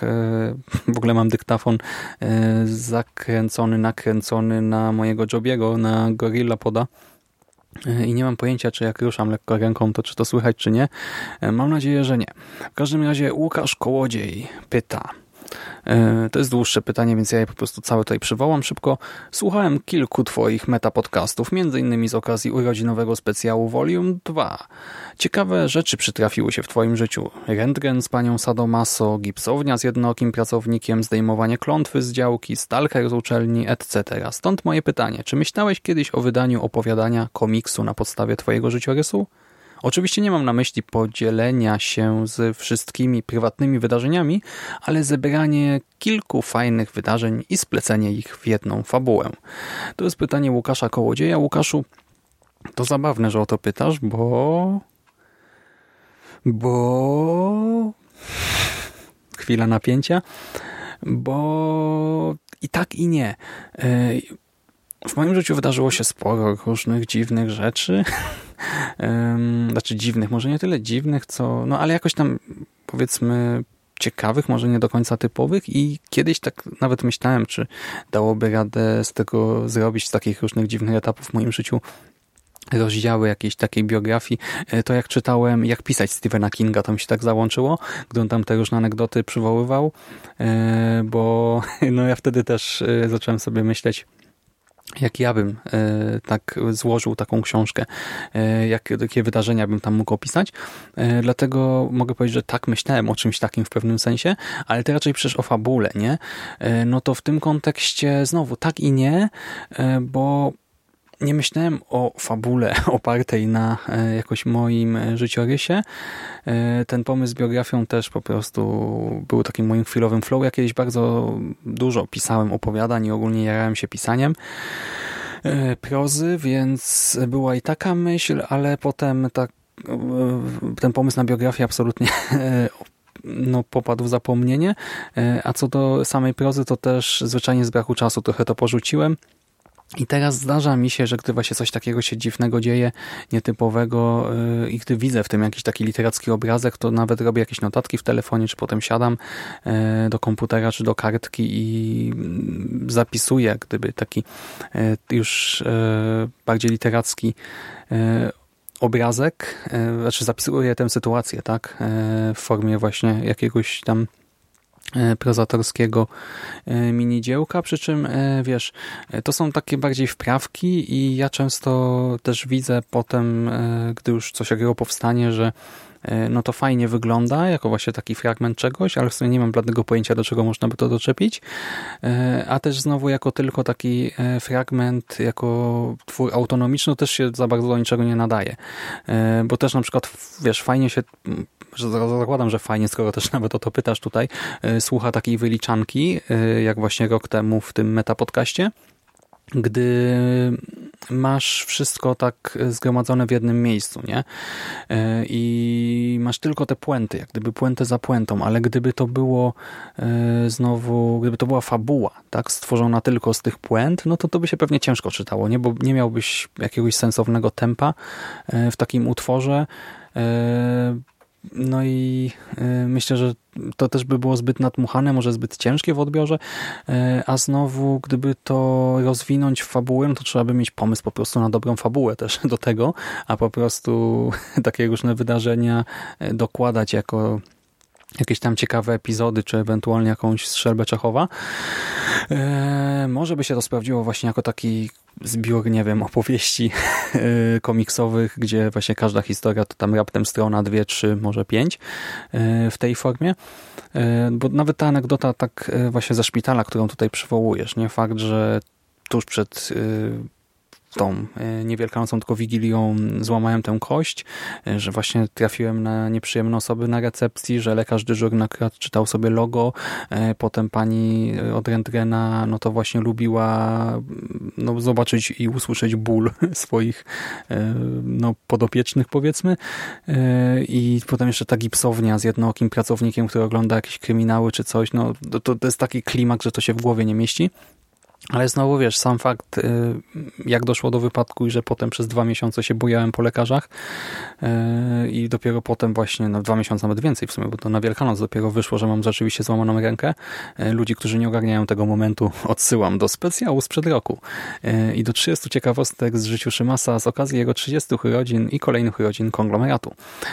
No to wiesz, no tam to już byłoby raczej nudne, ale ja muszę przyznać, że czasem się zastanawiałem, nie? czy to ja mam jakiegoś takiego pecha e, albo szczęście, jak, zależy jak na to patrzeć, e, czy to może po prostu wszystkim takie sytuacje się przydarzają i z jednej strony wiesz, na przykład wtedy ten szpital, no to każdy, kto tam przeszedł przez e, tego lekarza dyżurnego, e, panią od rentgena i pana z gipsowni, no to każdy przeżył to samo, co ja. I pewnie e, no ci ludzie tam pracują też przez jakiś dłuższy okres czasu, więc zakładam, że w Łodzi jest cała masa osób, które przeżyły taką traumę, że ja to akurat zaliczyłem właśnie w ciągu przed Wigilią, no to po prostu miałem trochę wyższe kombo ostatecznie, e, ale rzeczywiście ja mam właśnie takie szczęście czy takiego pecha, e, bo należę do tych znajomych, którzy przykładowo właśnie często się spóźniają o kilka czy kilkanaście minut na spotkania, a wtedy ekipa nie mówi na przykład o Jezu, znowu się spóźniasz, Szymas, czekamy na ciebie czy coś, tylko raczej reaguje pytaniem dobra, to co ci się tym razem przydarzyło? No, siadaj i opowiadaj. No, a gdy się żegnamy, to też często słyszę przykładowo, tylko wróć prosto do domu, tak? Nie zwracaj nikomu uwagi po drodze, nie rozmawiaj z nikim, nie podchodź do nikogo, po prostu usiądź sobie gdzieś właśnie spokojnie w autobusie albo, nie wiem, iść spacerkiem, ale właśnie e, nie podchodź do nikogo, tak? I odezwij się, gdy dotrzesz. Bo rzeczywiście zdarza się dosyć często, że nie wiem, ktoś mnie zaczepia przykładowo, że ktoś mi zaczyna opowiadać swoją historię, znaczy historię swojego życia, e, swoją biografię, albo jakieś jeszcze inne dziwne rzeczy, na przykład teraz zimą. Miałem dwa spotkania, takie przypadkowe, z ludźmi, którzy zaczęli mi opowiadać nagle o morderstwach w okolicy i to było dosyć creepy. E, jeden raz, bo po prostu w tramwaju obok usiadł facet i nagle tak spojrzał na mnie, spojrzał przed siebie, spojrzał na mnie, spojrzał przed siebie i potem pokazał przed siebie i powiedział, że e, tutaj niedaleko właśnie e, zginęło kilka osób ostatnio. Ja tak siedzę i tak, aha, fajnie. A innym razem ja wracałem do siebie i to akurat nie było w nocy, to było, nie wiem, no podwieczór, jakaś 19 czy coś i pod przystanek podjechał radiowóz, e, zagadnął jakiegoś faceta o coś, odjechał. No i ten facet e, spojrzał na mnie i zaczął nagle opowiadać, że właśnie policja szuka takiego i takiego gościa, w ogóle to tutaj za rogiem to był morderca, znaczy doszło do morderstwa, facet zamordował żonę w takich takich okolicznościach, a tak poza tym to ja jestem ten facet, tak? Mówi, że on też w więzieniu trochę czasu spędził i poznał różne typy, ale on jest złodziejem i to złodziejem honorowym i zaczął mi opowiadać o grypsowaniu i o kodeksie złodziejskim. No ja tak stoję i tak no słucham sobie. no, więc e, tak, zdarzają się takie rzeczy regularnie. Może na 33 urodziny znowu nagram 33 ciekawostki tym razem e, z mojego życia. E, wiesz, jakbyś znał ludzi, którzy robią takie komiksy krótkie, to nie wiem, mogę kilka anegdotek wybrać, ale jeszcze nie, no, żartuję sobie teraz raczej. E, nadal, mimo wszystko, chociaż moi znajomi utwierdzają mnie w przekonaniu, że im się takie rzeczy nie przydarzają i ludzie w pracy tak samo, bo nie wiem, na przykład na uczelni, jak ja akurat mam taki gabinet y, spory. Tam mamy ile ze sześć biurek, jak nie więcej. I czasem siedzimy właśnie w 4, 5, 6, 7 osób. Y, no i y, opowiadamy sobie różne anegdotki. No i wiesz, jak to jest w pracy, nie? że ktoś mówi, słuchajcie, u mnie to się teraz na zajęciach coś takiego przydarzyło. Albo trafił mi się taki student, trafiła mi się taka studentka, czy coś takiego. No i zazwyczaj każda kolejna osoba coś dorzuca od siebie do takiej historii. Y, no i jak ja potem zaczynam o czymś opowiadać, to często kończy się komentarzem E, no nie, no to u mnie takich rzeczy nie było. nie no, to ja takich studentów nie mam. E, więc z jednej strony ludzie mnie utwierdzają w przekonaniu, że e, mam jakiś wewnętrzny dziwny magnes e, na właśnie dziwnych ludzi, ale tak sobie myślę, że pewnie jednak masa osób przeżywa takie rzeczy, tylko nie każdy na przykład, nie wiem, nagrywa podcast, w którym może się z tym, może się tym podzielić z innymi ludźmi. No i myślę, że tym zakończę ten wątek, a drugie pytanie od ciebie pierwotnie było do Mando. Nie wiem, czy ktoś o to pytał, ale czy mógłbyś przedstawić postacie, które znajdują się w literach loga konglomeratu? Pod O jest wampir, pod G Stephen King, ale co do reszty nie jestem pewien. No i teraz tak, Łukaszu. E, zadałeś pytanie Mando i pytasz, czy ktoś o to już pytał. No właśnie Mando o to kiedyś pytał, Jerry chyba zresztą też. Pytali mnie, bo to ja załatwiałem logo, e, ale ja też nie wszystkie literki byłem w stanie odcyfrować, e, odcyfrować, odszyfrować, bo logo tworzył Bedwulf. Rafał Bedwulf Wyroński, który ze mną nagrał kilka nawiedzonych podcastów e, i Teraz też właśnie to, co odczytałem, to sobie spisałem. Jeszcze potem Rafała dopytałem o kilka rzeczy, których nie byłem w 100% pewien. I sprawa wygląda następująco, tylko wiesz, nie mów nikomu, bo to trochę tajemnica jest, nie? Taka zagadka konglomeratu. E, K to jest, e, tutaj cytuję, randomowa bohaterka komiksu z lat 60. To było jakieś pierwsze wydanie komiksu mieszającego wątki nadprzyrodzone i kryminalne, ale musiałbym sprawdzić, co to dokładnie w plikach źródłowych na kompie na Redkini. E, Rafał teraz nie przebywa w domu właśnie rodzinnym, w którym tworzył to logo, więc właśnie nie był w stanie tego sprawdzić dokładnie, no ale Cóż, myślę, że to odpowiedź musi nas zadowolić. E, dalej, o, no to oczywiście właśnie wampir e, Nosferatuch bodajże. N to Franken, a, Boże, sam bym to powiedział, N to potwór Frankensteina. E, G to Stephen King, L to no kurczę, no nie rozpoznałeś. Jason Voorhees we własnej osobie. O, no to oczywiście Dana Scully. M to Alfred Hitchcock. E to Fox Mulder. R no to Wilkołak, Wolfman, E, E, E, E, e nie E, A, A, e, a to e, Patrick Bateman, a T to Marion Crane. No i już masz komplecik. No i cóż, dzięki Łukaszu za pytania. Teraz przechodzę do pytań od Dariusza Piwowarskiego.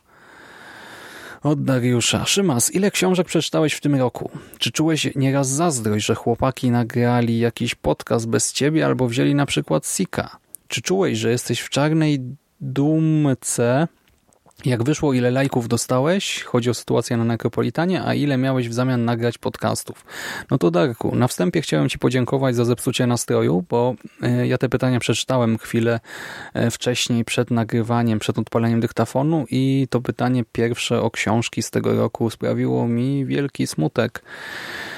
Bo kurczę, ten rok jest tragiczny.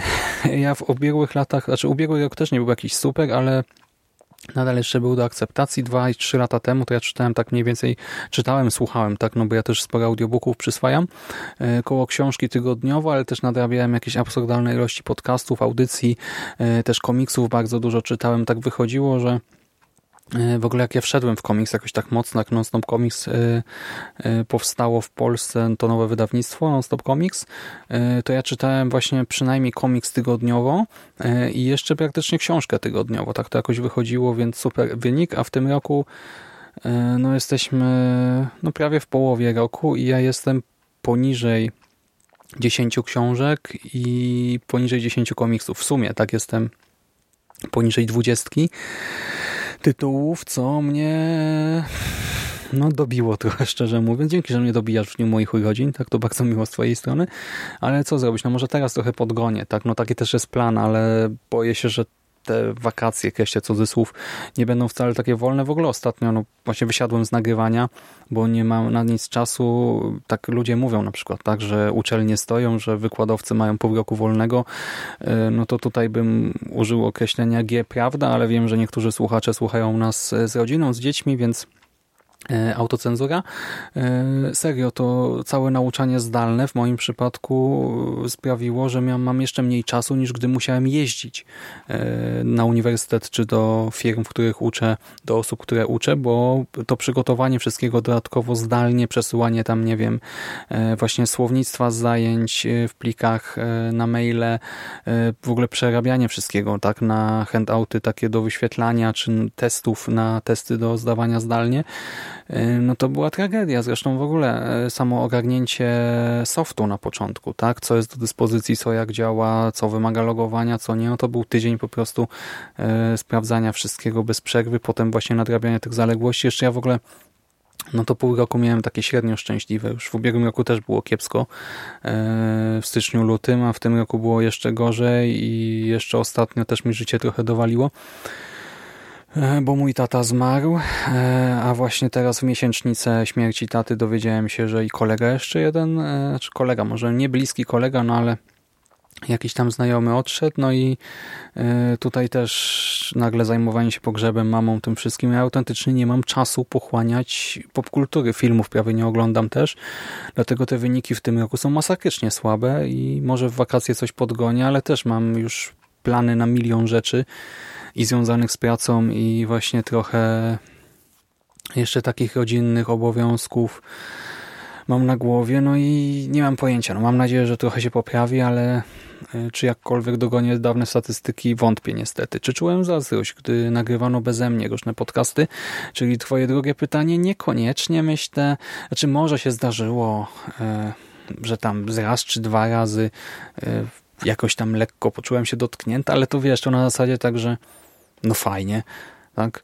Pff, co to w ogóle ma być? I tyle, tak, ale bez żadnego roztrząsywania, nie wiem, bez żadnych fochów, obrażania się, czy czegoś takiego, e, czy żywienia urazy. Nawet nie pamiętam teraz dokładnie. Wiem, że rzeczywiście pojawiło się gdzieś kiedyś takie uczucie, e, ale e, no to były dosłownie tam, nie wiem, na palcach jednej ręki sytuacje do policzenia i też już jakiś czas temu raczej dawniej niż teraz. Tak zwłaszcza, że teraz ja autentycznie wiem, że zwyczajnie wysiadam z nagrań, bo no jestem nieosiągalny praktycznie. E, a i też na przykład, nie wiem, gdy ostatnio był podcast e, o Fifty Shades of Fear bodajże, tak o tym serialu na Quibi, E, na tej nowej platformie mobilnej e, z serialami, no to ja się strasznie napalałem na ten serial, to tak jak gdyby przeze mnie zainicjowali e, Hubert i Michał ten swój cykl audycji o tej platformie i w ogóle zainteresowali się nią, pobrali ją, załapali, że jest darmowy okres próbny i tak dalej, więc to ja stworzyłem tę serię audycji, a sam nie mogłem wziąć niej udziału, bo po prostu mój telefon no nie przyjmował, tak nie pozwalał nawet zainstalować tej aplikacji, a co dopiero coś na niej obejrzeć. E, no i zdając sobie z tego sprawę, powiedziałem, no słuchajcie, no to nigdzie nie wypływa, tak, ja nie mam opcji po prostu technicznie e, do tego dotrzeć, bo wszystkie telefony, do których mam dostęp, e, no jakoś nie współpracują z y, tą apką. Y, no i po prostu nagrali to beze mnie, ale wiesz, w takich chwilach to w ogóle nie jest zazdrość, co najwyżej taki trochę żal, że kurczę, że właśnie nie dałem rady, czy że nie miałem możliwości y, technicznej czy czasowej wziąć w czymś udziału, ale to nie jest zazdrość, tylko właśnie tak kurczę, nagrałbym coś. Kurczę, o tym to był nagrał, to jest fajna rzecz, kurczę, to bym właśnie nadrobił i porozmawiał o tym. Takie raczej są to emocje gdy ktoś nagrywa coś beze mnie, przy czym e, chciałbym być uwzględniony. E, I też prawda jest taka, że w sumie no Hubert i Michał, jeżeli coś nagrywają takiego horrorowego, to zazwyczaj mnie pytają, tak, czy byłbym zainteresowany, czy chcę to do Necro, czy to można dać po prostu jakoś na Konglo, e, więc e, to nie jest tak, że nie wiem, ja o tym nie wiem, potem się dowiaduję, tak, o jakimś nagraniu i że ja mam jakieś dyskusje między sobą, że ktoś się obraża, albo że są jakieś tam takie komunikaty poważne, tak, że to dlaczego mnie nie poinformowaliście, och, ach, tak, co tam być niepoważne zachowanie. Nie, właśnie u nas raczej jest taka jasność z tym, e, kto, co, gdzie, kiedy nagrywa. Gdy teraz po prostu nie mam czasu, to tym bardziej jakoś tego nie czuję. Raczej czuję brak po prostu ogólnie nagrywania. Tak, fakt, że chętnie bym usiadł e, z kimkolwiek i coś ponagrywał, ale ja też mam takie podejście, że ja nie potrafię tak po prostu wyrwać sobie tych 15 minut i powiedzieć, o teraz nagrywamy, coś, cokolwiek, tylko ja się muszę przygotować, zrobić gigantyczny research, nawet jeżeli to ostatecznie nie będzie miało wielkiego przełożenia, ale się muszę czuć, że dałem z siebie 120%. E, zresztą ja w ogóle mam taki problem w życiu, co mi, też to mi utrudnia trochę to moje 120%, które czasem e, oscyluje w granicach raczej 200-300, no ale nieważne. To jest temat na inne pytanie i inny podcast. I o czym to mówiłem? A no, więc z tą zazdrością raczej problemu jakiegoś nie ma, co najwyżej jest żal, że ogólnie nie nagrywam, nie? E, no i właśnie a propos tego też, to ostatnie pytanie. Czy czułem, że jestem w czarnej dumce? No tak, czułem, że jestem w czarnej, głębokiej zamulonej dumce, e, gdy dostałem tę ilość lajków e, z kilku powodów. Po pierwsze dlatego, że absolutnie wszyscy to podkreślali w moim otoczeniu. Mateusz Skoczylas e, miał z tego ciężką bekę. No oczywiście właśnie tutaj ekipa z Konglo nasza to też gdzieś tam trochę wyszło dalej, trochę wgrozone też i masa osób, zresztą do tej pory jakoś sobie z tego żartuje.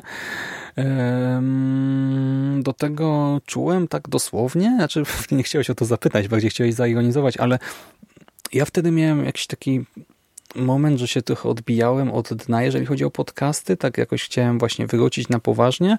E, miałem trochę rzeczy już ponagrywanych, tam e, robiłem posty, zbierałem tagi, tak, jeszcze e, tutaj Jerry też z Mandą mi pomagali trochę z montażem różnych rzeczy. Ja już miałem taki plan w głowie, nie, że teraz to się uda, że teraz zrobię wielki powrót w Necro, e, że dogram wszystkie zaległe rzeczy, bo wszystko już było obejrzane, przeczytane, ograne i tak dalej. Trzeba było, to było tylko nagrać, nawet miałem już większość notatek gdzieś tam e, spisaną, no to potem wiesz, zrobić próbę po prostu gadania niby i potem to nagrać już na żywo i tyle. E, wszystko jakoś tak miało ruszyć, a nie ruszyło i właśnie też e, po drodze wydarzały się różne rzeczy, które jakoś tak tę moją motywację zabijały, tak samo teraz, nie? Gdy już po prostu się odpuści na jakiś moment, gdy się widzi, że po prostu nie ma szans teraz, by zrobić ten powrót, to w moim przypadku następuje znowu blokada i autentycznie byłem zły, miałem żal do siebie trochę i w ogóle, że kurczę, coś fajnego, na czym mi zależało, że nie wypaliło.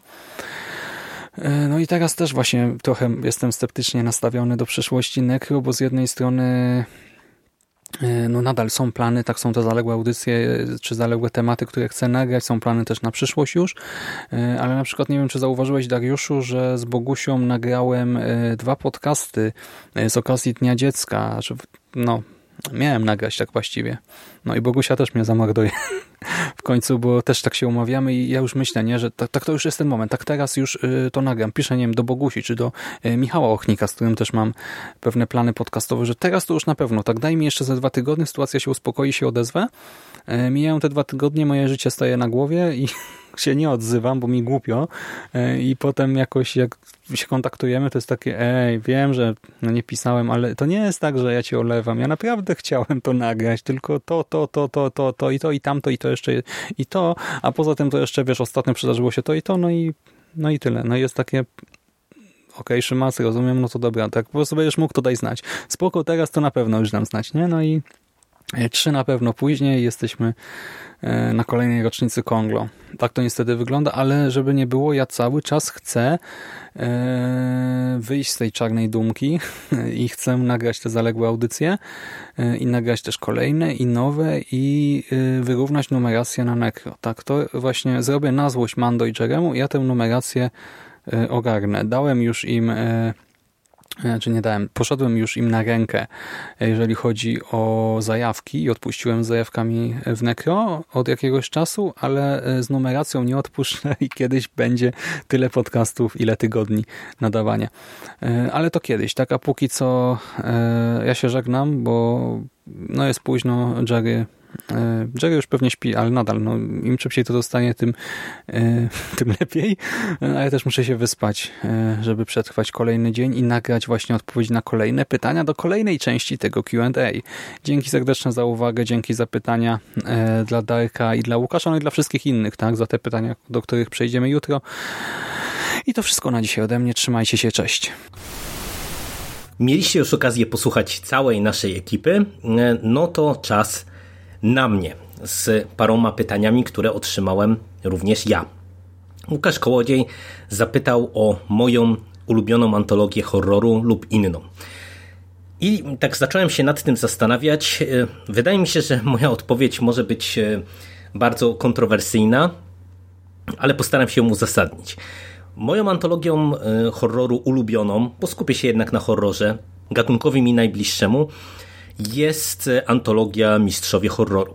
Mówię, że może być to dyskusyjne, dlatego że jak nagrywaliśmy te rewatchowe podcasty na temat pierwszego sezonu i zaczęliśmy rozmawiać o sezonie drugim, no to wielokrotnie zdarzyło mi się marudzić na poszczególne odcinki, ale powiem Wam szczerze, że dla mnie jest to antologia w pewien sposób wyjątkowa, dlatego że no, ja wiem, że może to nie jest taka żelazna klasyka jak, mm, nie wiem, chociażby y, opowieści skrypty, jak Strefa Mroku.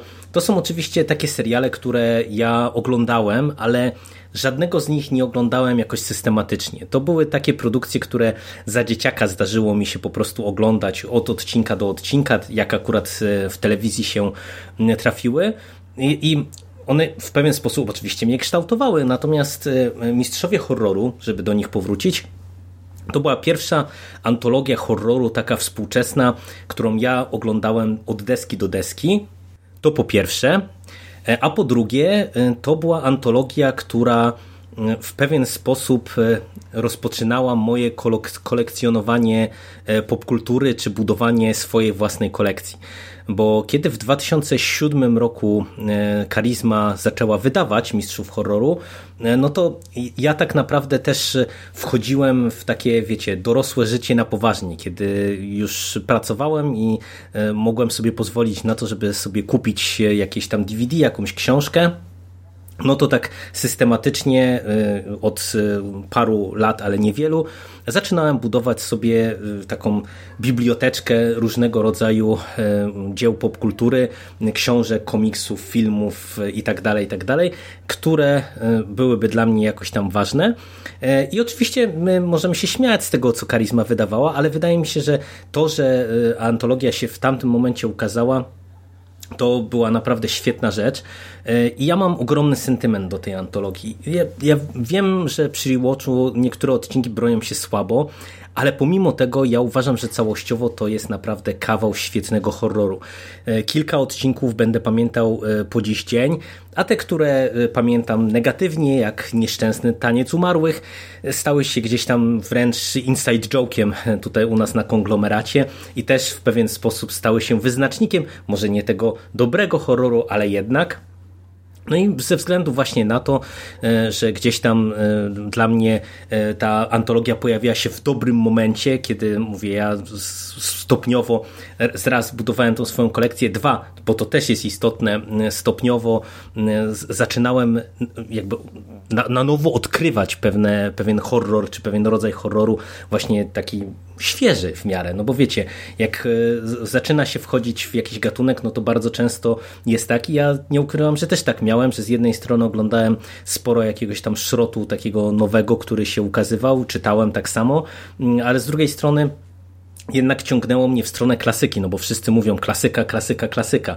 No i wiecie, mistrzowie horroru też pod tym kątem na podatny grunt trafili, że pokazali, że można serwować fajny e, horror nie tylko na fali remake'ów, no bo też pamiętajmy, że przecież właśnie okres, w którym mistrzowie horroru się ukazywali, no to był okres ten tych wszystkich japońskich e, remake'ów, e, remake'ów słynnych slasherów i tak dalej, i tak dalej, e, co bardzo szybko się przejadło, a tutaj mieliśmy fajną antologię z dobrymi twórcami, z ciekawymi pomysłami, bardzo różnorodną, także tyle, bo już i tak za długo gadam. Franciszek Ignatowski zapytał i mnie i Mando o to, czy słuchamy muzyki i czy mamy jakichś ulubionych wykonawców. No i tak naprawdę to ja mógłbym e, pewnie na ten temat nagrać osobny podcast i to całkiem długi. Dlatego, że e, ja bardzo lubię muzykę e, i co zabawne, ja mam dosyć eklektyczny gust. Paweł Mateja nominował mnie do takiego łańcuszka, który teraz lata po internetach, poświęconego właśnie między innymi muzyce. Znaczy tam wiecie, te łańcuszki są w różnych wersjach, są książki, filmy, muzyka, seriale, cuda na kiju. Paweł mnie nominował właśnie do tego muzycznego Więc jak ktoś ma ochotę, to może sobie zajrzeć do mnie na Jerry Stellis na Facebooka i tam zobaczyć e, kilka e, płyt, które ja tam będę wyróżniał stopniowo, no bo to się cały czas dzieje. Ale no naprawdę ja mam gust muzyczny nadzwyczaj eklektyczny. E, wydaje mi się, że w kolejnym odcinku usłyszycie takie sformułowanie z ust skóry, że muzyka dzieli się na dobrą i złą. Ja mam trochę właśnie takie podejście. E, słucham e, bardzo różnej kombinacji muzyki, co wynika z tego, że tak naprawdę no, ja byłem kształtowany muzycznie po pierwsze przez telewizje muzyczne, które były zupełnie innymi telewizjami muzycznymi niż to, co teraz się spotyka, bo wiecie, MTV serwowało teledyski, ale to naprawdę w latach 90. była stacja rewolucyjna, chociażby dlatego, że e, oprócz e, muzyki popularnej, którą cały czas serwowali, no to przecież nie wiem, to były jeszcze czasy świetności Michaela Jacksona, wszystkich tam boys bandów, girls bandów, ale oni obok tego serwowali bardzo dużo rocka, metalu, e, różnego rodzaju e, alternatywnej muzyki, hip-hopu, e, co tak naprawdę powodowało, że jeżeli się słuchało tej stacji, no to z siłą rzeczy chłonęło się muzykę wszelaką, różnorodną. Do tego pojawiła się później Viva i przede, przede wszystkim Viva 2, która no, była tą stacją alternatywną i która z kolei otwierała, przynajmniej no, tak mi się wydaje, temu mojemu pokoleniu trochę oczy na takie gatunki, które właśnie MTV trochę pomijało, bo na Viviec Faj było dużo e, na przykład reggae, e, jakiegoś rave'u, muzyki techno, muzyki elektronicznej, e, dużo alternatywy, ale jakiegoś tam industrialu i tak dalej, i tak dalej. Więc to, wiecie, to było zupełnie też nowe doświadczenie dla mnie.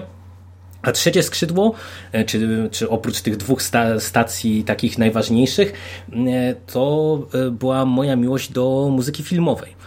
Bo jeżeli przypomnicie sobie soundtracki z lat tam właśnie, nie wiem, 90., 2000., to wyglądało bardzo często tak, że te soundtracki były niesamowicie eklektyczne. No, na przykładzie mamy soundtrack do e, Mortal Kombat, gdzie tak naprawdę oprócz e, e, chociażby takich zespołów jak Napalm Dead mamy elektroniczny Orbital, mamy muzykę instrumentalną George'a Clintona, mamy jakąś elektronikę czy, czy pokręcony hip-hop. I tak soundtracki były konstruowane bardzo często, że nie wiem, oprócz jakichś soulowych ballad czy poprokowych wykonawców była właśnie muzyka elektroniczna, był hip-hop, było reggae i to wszystko powodowało, że jak ja wiecie, kupowałem jakiś soundtrack, e, no to nagle dostawałem na klatę bardzo dużo różnych zespołów e, i to mi już zostało też chociażby ze względu na to, że ja mam jakby swoich ulubionych wykonawców, e, dla mnie ważnych na, na różnych etapach życia, ale ja po dziś dzień mam tak, że mm, wychodzę z założenia, że muzyki, muzyki jest tak strasznie dużo, a jeszcze e, w dzisiejszych czasach e, dzięki YouTube'owi, dzięki Spotify, które mają tak opracowane mechanizmy, żeby mm, tak naprawdę, jeżeli coś Ci się spodoba, to nie zostać przy tym, co Ci się spodobało, tylko iść dalej w tym kierunku no to ja tak naprawdę słucham e, non-stop różnej muzyki, tak naprawdę. Jeżeli bym miał wymienić takie najważniejsze, nie wiem, ulubione jakieś tam moje zespoły, na pewno bym musiał wymienić Metalikę, która, mówię, odpowiadała u mnie za całą falę e, zainteresowania muzyką metalową, w której siedzę po dziś dzień. E, mój pierwszy koncert dużej gwiazdy zagranicznej to była właśnie Metallica. E, widziałem ich dwukrotnie na żywo i, i to za każdym razem było niesamowite przeżycie. I oczywiście ja zdaję sobie z tego sprawę, że w tej chwili zespół stał się bardziej memem niż jakąś tam ikoną, ale ja myślę, że nikt nie jest w stanie im odebrać historii właśnie, czy, czy i udziału w historii muzyki muzyki całej, nie tylko muzyki metalowej. E, bardzo lubię Massive Attack e, i w ogóle trip hop to było coś, co w którymś momencie ja odkryłem i wsiąkłem.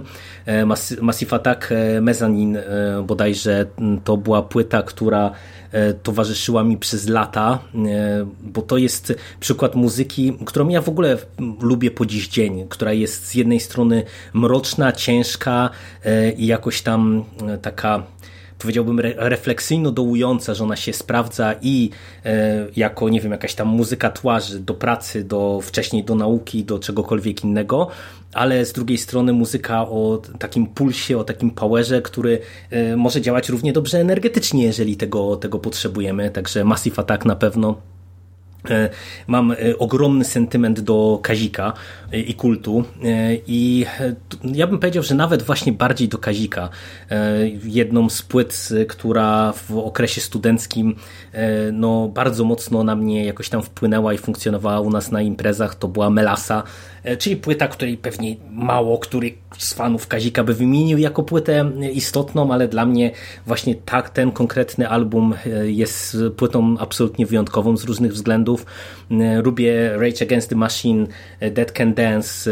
E, od jakiegoś czasu śledzę polski black metal i oczywiście ja wiem, że też to jest mm, działka, z której można się nieco podśmiewywać. Tak, znam obydwie batuszki, czy ile ich tam jest, ale na przykład uważam, że taka furia E, czy Mgła to są zespoły fenomenalne i e, oczywiście już do mainstreamu przebiło się to, że Behemoth na przykład czy Vader święcą triumfy e, na rynku międzynarodowym, ale mam wrażenie, że jeszcze nie do końca dotarło właśnie do, do mainstreamu to, że mamy takie kapele właśnie jak Furia, które pewnie takie same triumfy by mogły święcić tylko w swojej niszy. Dla mnie to jest też fenomenalna muzyka. Wymieniać mógłbym długo, naprawdę, bo u mnie to wszystko zależy od nastroju. E, ja słucham na przykład sporo Stonera, e, są kapitalne polskie zespoły Dope Lord i Space Luck, e, które długo ze mną zostały. I to jest w ogóle też ciekawe na przykład w kontekście tego odkrywania muzyki.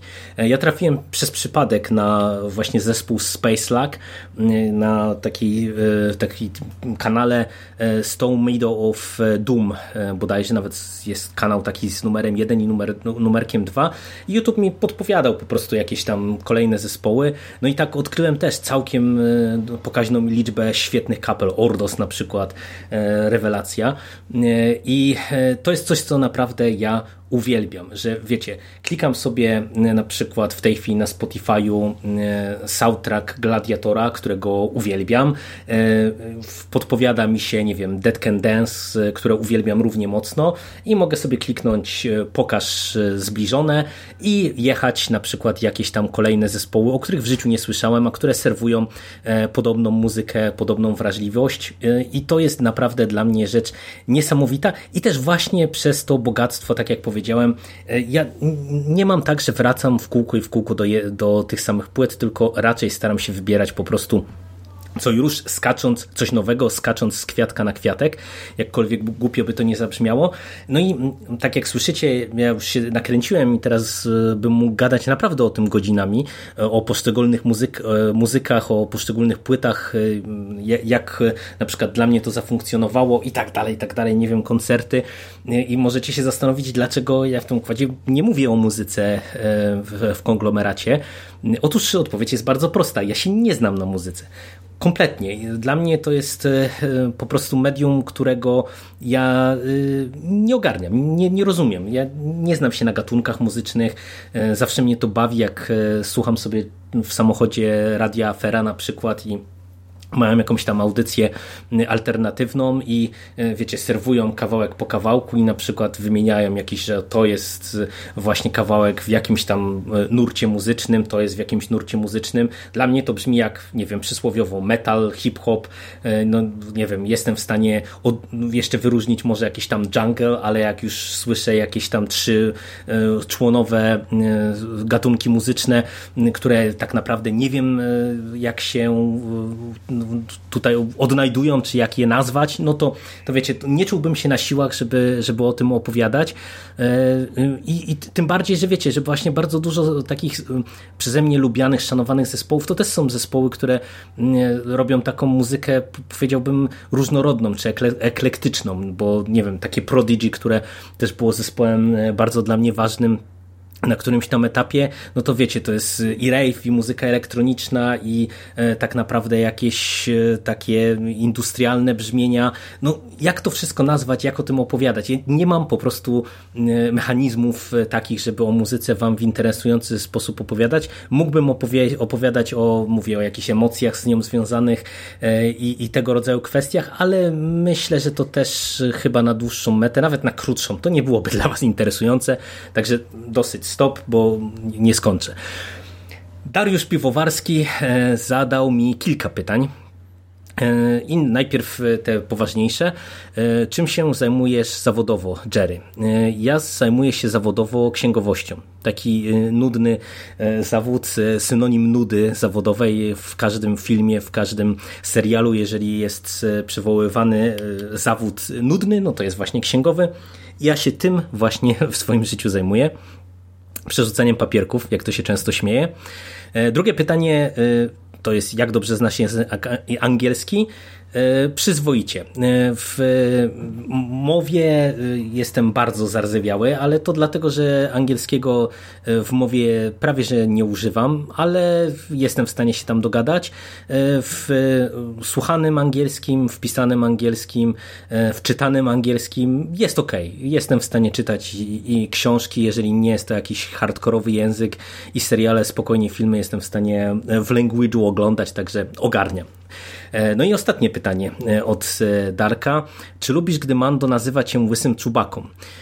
Ja chciałbym sprostować na wstępie, że chyba tylko raz Mando nazwał mnie łysym czubaką i to był moment, który ja bardzo doceniłem ten żart, dlatego że my mieliśmy nagrywać podcast razem o młodzieżówce Hanna Solo no i niestety e, akurat ja e, wypadłem e, z przyczyn takich, że po prostu nie byłem w stanie tej książki przeczytać w odpowiednim czasie i stwierdziłem, że nie ma sensu tego hamować, bo, bo pewnie w najbliższym czasie nie nadrobię.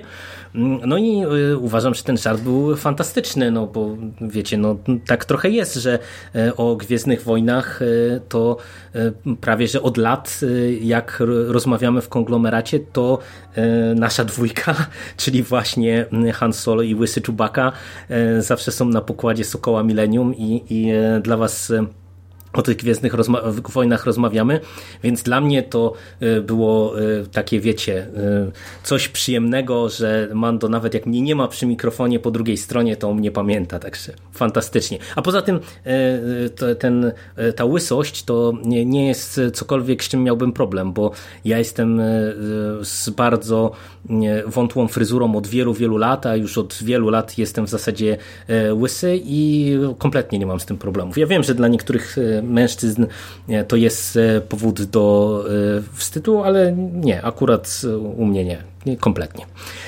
Sik.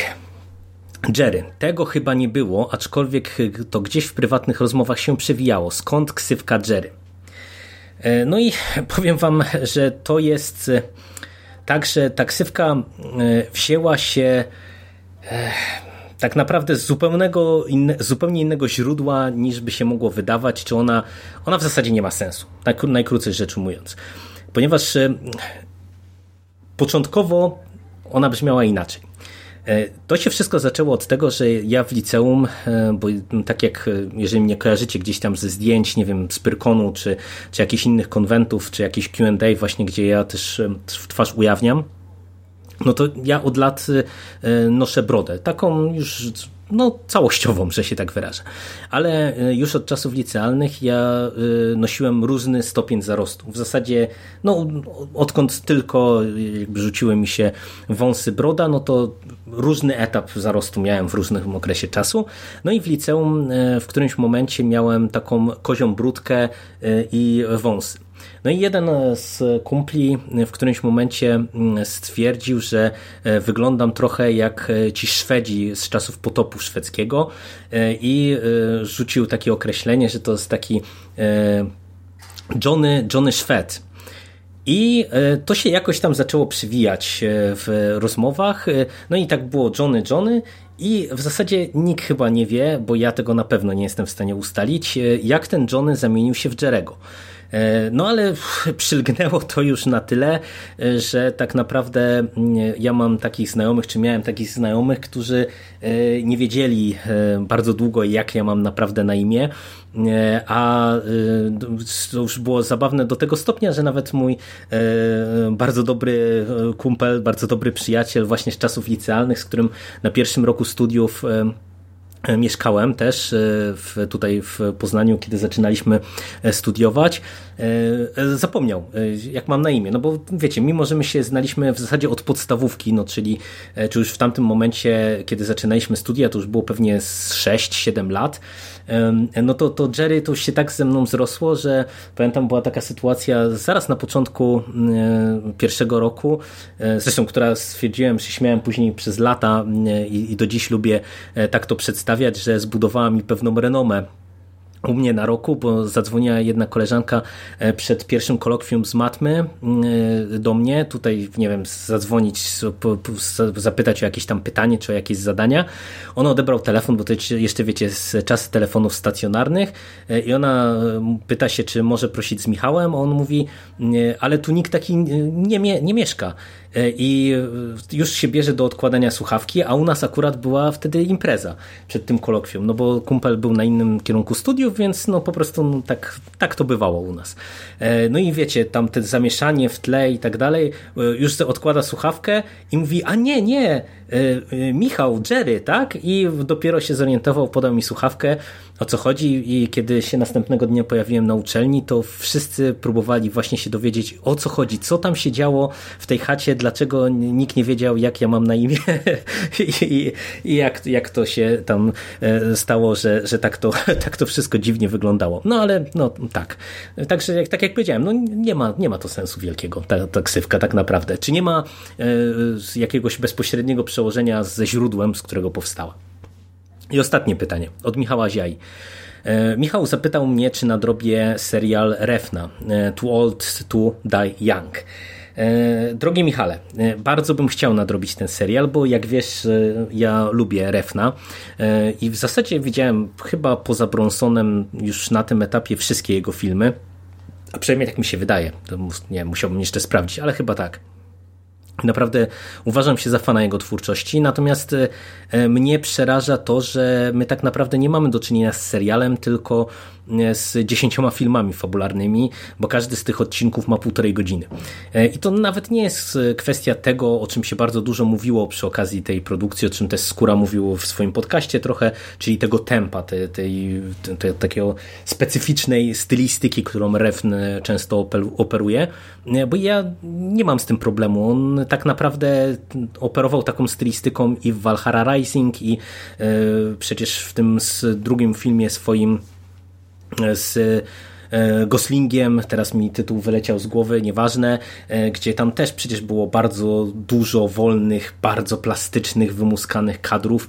E, akcja jakby się ślimaczyła albo była pretekstowa. Nie mam z tym problemu, wręcz ja tego oczekuję po tym twórcy, ale po prostu ja nie mam za bardzo czasu, żeby tyle mm, e, poświęcić jednemu serialowi, bo e, to zabrzmi oczywiście głupio, bo na przykład z waszej perspektywy to pewnie dopiero się dowiecie za czas jakiś, bo mam na, nadzieję nagrać o tym podcast. Ja nadrobiłem bardzo szybko 7 sezonów Orange is the New Black, Czyli no, ja wiem, jak to skrajnie idiotycznie może brzmieć, że nie jestem w stanie poświęcić sporo czasu na, na jeden serial Refna, ale na przykład wiecie, to jest tak, że taki Orange y, oglądałem z żoną, to się ogląda inaczej.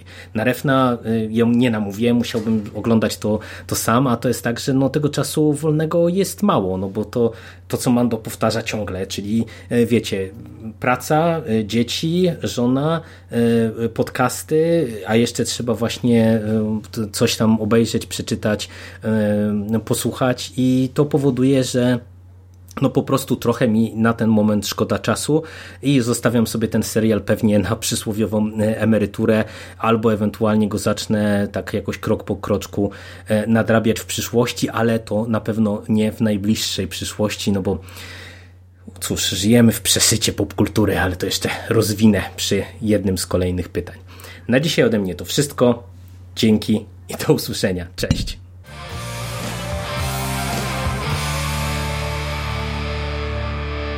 You finished? That's it, man. Game over, man. It's game over.